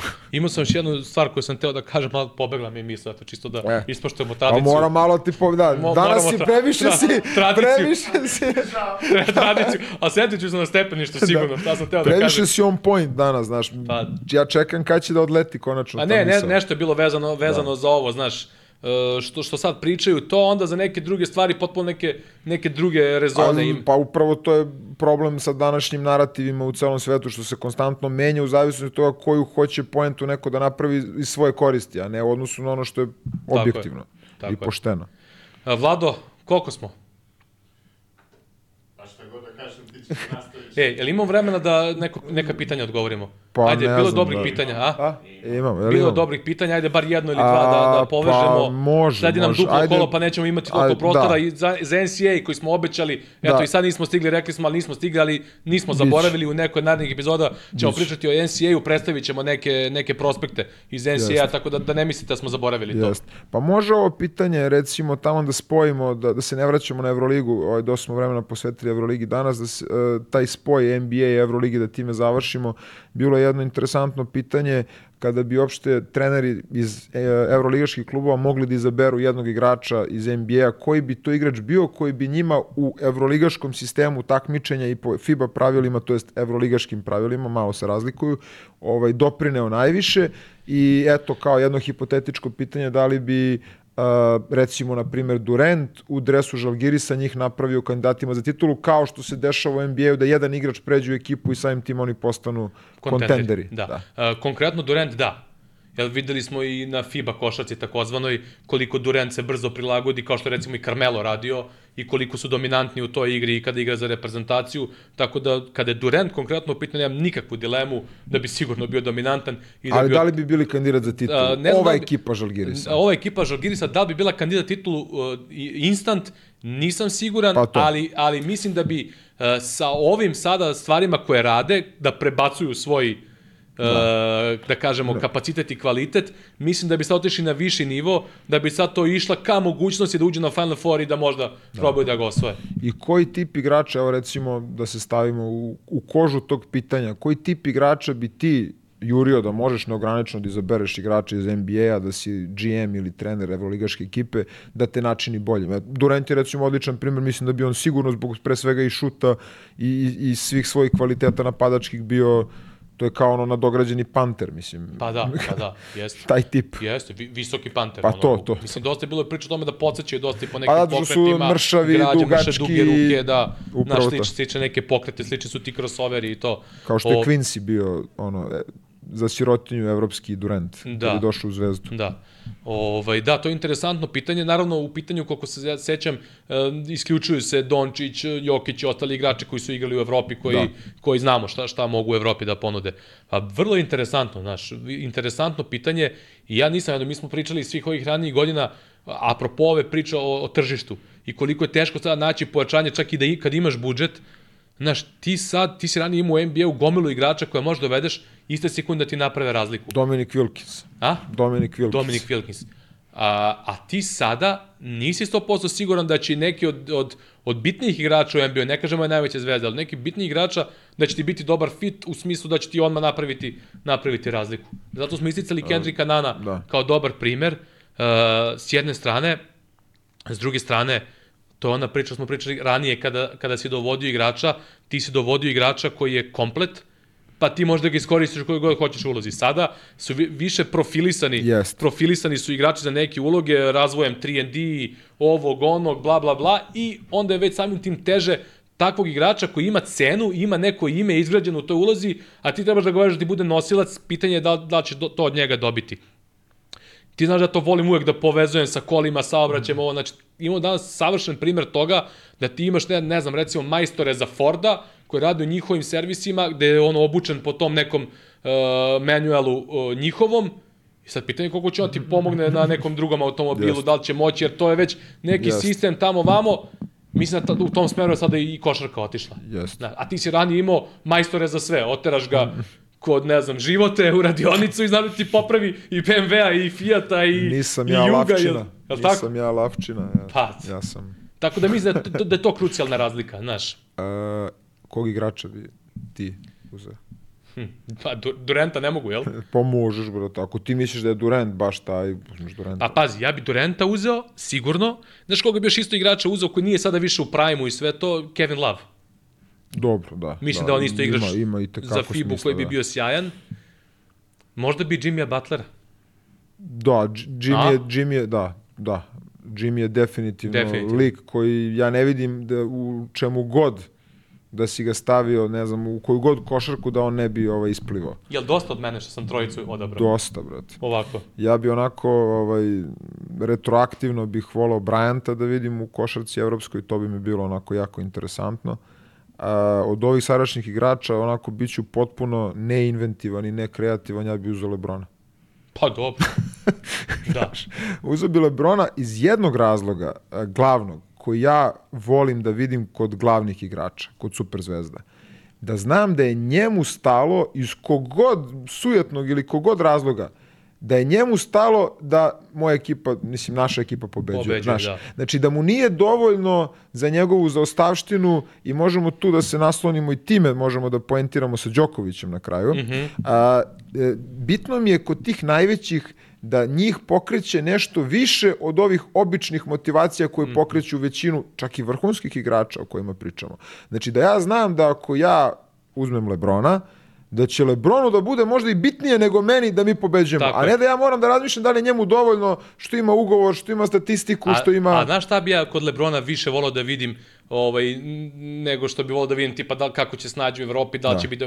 Više bi volao da vidim to što bi on sigurno doneo razumevanje igre, ulazak u akcije, uh, uticaj na saigrače. Da, upravo volao bi da. da vidim brzinu prilagođavanja na evropsku košarku i na tu ulogu, da on već posle moje očekivanje da. da bi već posle 5 dana znao sve akcije i da bi svima Upravo pokazivao tako. sve ostalo šta ko treba da radi i da bi sigurno poznavao protivnički igrača, ono smo pričali, taj proces bi ja najviše volao da vidim kad bi LeBron došao u Evropu, taj proces njegovog učenja evropske košarke, koliko bi bio brz, a siguran sam bi bio brz i da bi, da bi već, znaš, iako ljudi čest, Da. ce, često pocenjuju Lebrona, ja to stalno pričam, znači, okej okay da ti ne, nekog voliš Pa ili ga igrač, podcenjuju ili ga precenjuju. ili- nema da. razlike, znači, nema granice. Ti, ti možda voliš ili ne voliš nekog igrača, da, da, da ti se sviđa, ja to kad, kad ja gledam, svi, uh, sviđa mi se ili mi se ne sviđa stil igre. Ali takve ono što igrače ne možda ne poštuješ. Pa, Ne smeš da ih Upravo ne to. poštuješ. Pa nisam uopšte neki veliki fan, da kažem, Nisam ono ja Lebrona. veliki fan, ali ga sam obožavam zbog ovih, poštovalac, pa poštovalac kako- zbog ovih stvari Kako sitnih. ne, mislim. Tako da, eto, ja bi njega. I, ovaj, i eto, sa Đokovićem da, Može. završi. Može. Kreni. Kreni ti, ajde. Pa generalno, Ja sam ti poslao onu izjavu koja me zaintrigirala, Da. da. ovaj inter, deo intervjua. Pa generalno Deo- mindset. mindset. Mindset jednog uh, pobednika, šampiona ovaj, i da je sve u sportu mentalna igra i ono što se vidi ono što se ne vidi, govor tela, pogled, to je ono što ja pokušavam stalno, da Stalno. objasnim svojim igračima, Da. jako bitna stvar, način kako stojiš, kako, ka- kakav ti je prosto faca kakva ti je, kako ulaziš na teren, kako ulaziš na zagrevanje, kako sediš na klupi, kako reaguješ na stvari koje. Mislim, eto, Gino Orijema priča o tome stalno, on ima Stalno. milion nekih isečaka iz njegovih intervjua, pošto si pomenuo Orijemu malo pre, a, sve to doprinosi jednom sveopštem utisku o tebi kao sportisti i tvoje ekipi koji se prenosi na protivnika. Da li je to priča o odbrani, da li je to nebitno o kom segmentu pričamo, koji unosi, ne vam kažem strah, ali da kažemo nemir protivniku kad vidi prosto da, da, da ti imaš taj ono e, pogled, taj govor tela, da jednostavno ne dozvoljavaš da budeš zaplašen ni u kom smislu, naprotiv, ti si taj koji, koji zaplašuje druge da je to nenormalno važna stvar. Da, znaš ovo što je pričao Đoković, taj gde on gleda protivnika kako seda na klupu, kako pije vodu, kako ovo, kako ono. Kao predator, pravi, pravi. predator iz e, džungle. I, I mi smo znači, stalno ono, pričali godinama na tu temu, onda smo sami miriše sebe, krv, miriše sami sebe krv. smo analizirali da. da li mi preterujemo sa očekivanjima ili, ili znaš, da li previše ulazimo u neku teoriju, a zapravo da. onda ti dođe Novak i kaže ti sve te stvari i onda skontaš kao, okej, okay, to je to, kao, znaš. A ne, ali ti vidiš, recimo, i ne znam, kad izađeš na, na utakmicu, čak i recimo u mlađim kategorijama uzor, ti vidiš po načinu na koji se ponašaju deca, igrači, kako se zagrevaju, kako ti odmah već možeš da osetiš u kom smeru to se može da ide i koliko su došli uopšte sa namerom nekom da pobede ili da izgube ili šta god. I samo što je na, naravno na višem nivou je to mnogo teže, su to više nijanse u pitanju, ali taj predatorski mindset koji ima Novak Đoković, ovaj, koji se pocenjuje zato što je njegov možda stil igre malo ovaj, drugačiji, nije onaj baš klasičan predatorski, a samo miriše, miriše, miriše, miriše, gde je slabost, gde je greška, to je Kobe Bryant, recimo, on to stalno potencira, -hmm. zbog toga su se verovatno i razumeli dobro, zbog toga Brady voli Đokovića, je tako, znači to je opet isti taj mindset, na, kraju, šta... To, to, smo, to smo pričali za trenera naš, Obradovića, samo što on iz, drugog, iz uloge da, trenera da. traži tu slabost znači, da protivnika. Non stop gledaš su... tako je, gde je tvoja prednost, gde, kako ćeš ti da pobediš tog nekoga. Znači, mozak ne prestaje da ti radi na taj način nikada. Tako je. I ovaj, ono što se meni svidelo isto što je Novak rekao u tom intervju, onaj detalj uh, da zapravo njegova reakcija na negativnu stvar. Koliko kratko traje. Da. Koliko brzo uspe da, da naš, koliko izbaci kratko sebe, pamći, izbaci to. sebe i da nastavi. Cache memorija je ispražnjena, Tako je. idemo dalje. To je ključno. To je ključno. Jesmo završili za ovu epizodu Dosta. ovom poentom? Dosta. Evo ruka. Evo ruka. O, o, znači, pišite nam komentare na ove teme, vaše mišljenje, one petorke, ako, ako, imate, ako imate neki igrače da. koje smo možda zaboravili, a zaboravili smo ih sigurno. Ili iz drugih klubova, uopšte pa ili iz drugih da klubova, bude... da, mislim, da kažemo još jednu stvar, mi smo ove, kada smo ove petorke, nismo stavljali ove, da kažemo, poslednjih par sezona Partizana i Zvezde, da. nego smo se više ono oslonili na neku no, prošlost, od, da kažemo... Nostalgiju. Pre, da, na nostalgiju, pet godina, od pre pet godina pa unazad, ali ovo, eto, to su neke teme, ove teme koje smo isto pokrenuli, nadam se da ste dobro razumeli koje su naše poente i sve da ovaj, pa možemo da diskutujemo i u nekim narednim epizodama, pišite nam, pratite, hvala vam i do sada na, na da. komentarima i na praćenju, tako da nadam se da će i ova epizoda uh, biti onako dostojna svega toga, onda nam sledi duplo, duplo kolo, kad nećemo imati vremena ni za šta. Jeste, hvala svima, stvarno i na, i na gledanju i da napomenemo na slušanju, pošto od, od prošle epizode smo na audio platformama isto, tako da i tu mogu da nas poslušaju ljudi isto kao i na YouTube. Tako Dobro. da, Što se ove svima. epizode tiče, toliko, hvala. Over and out. Ćao.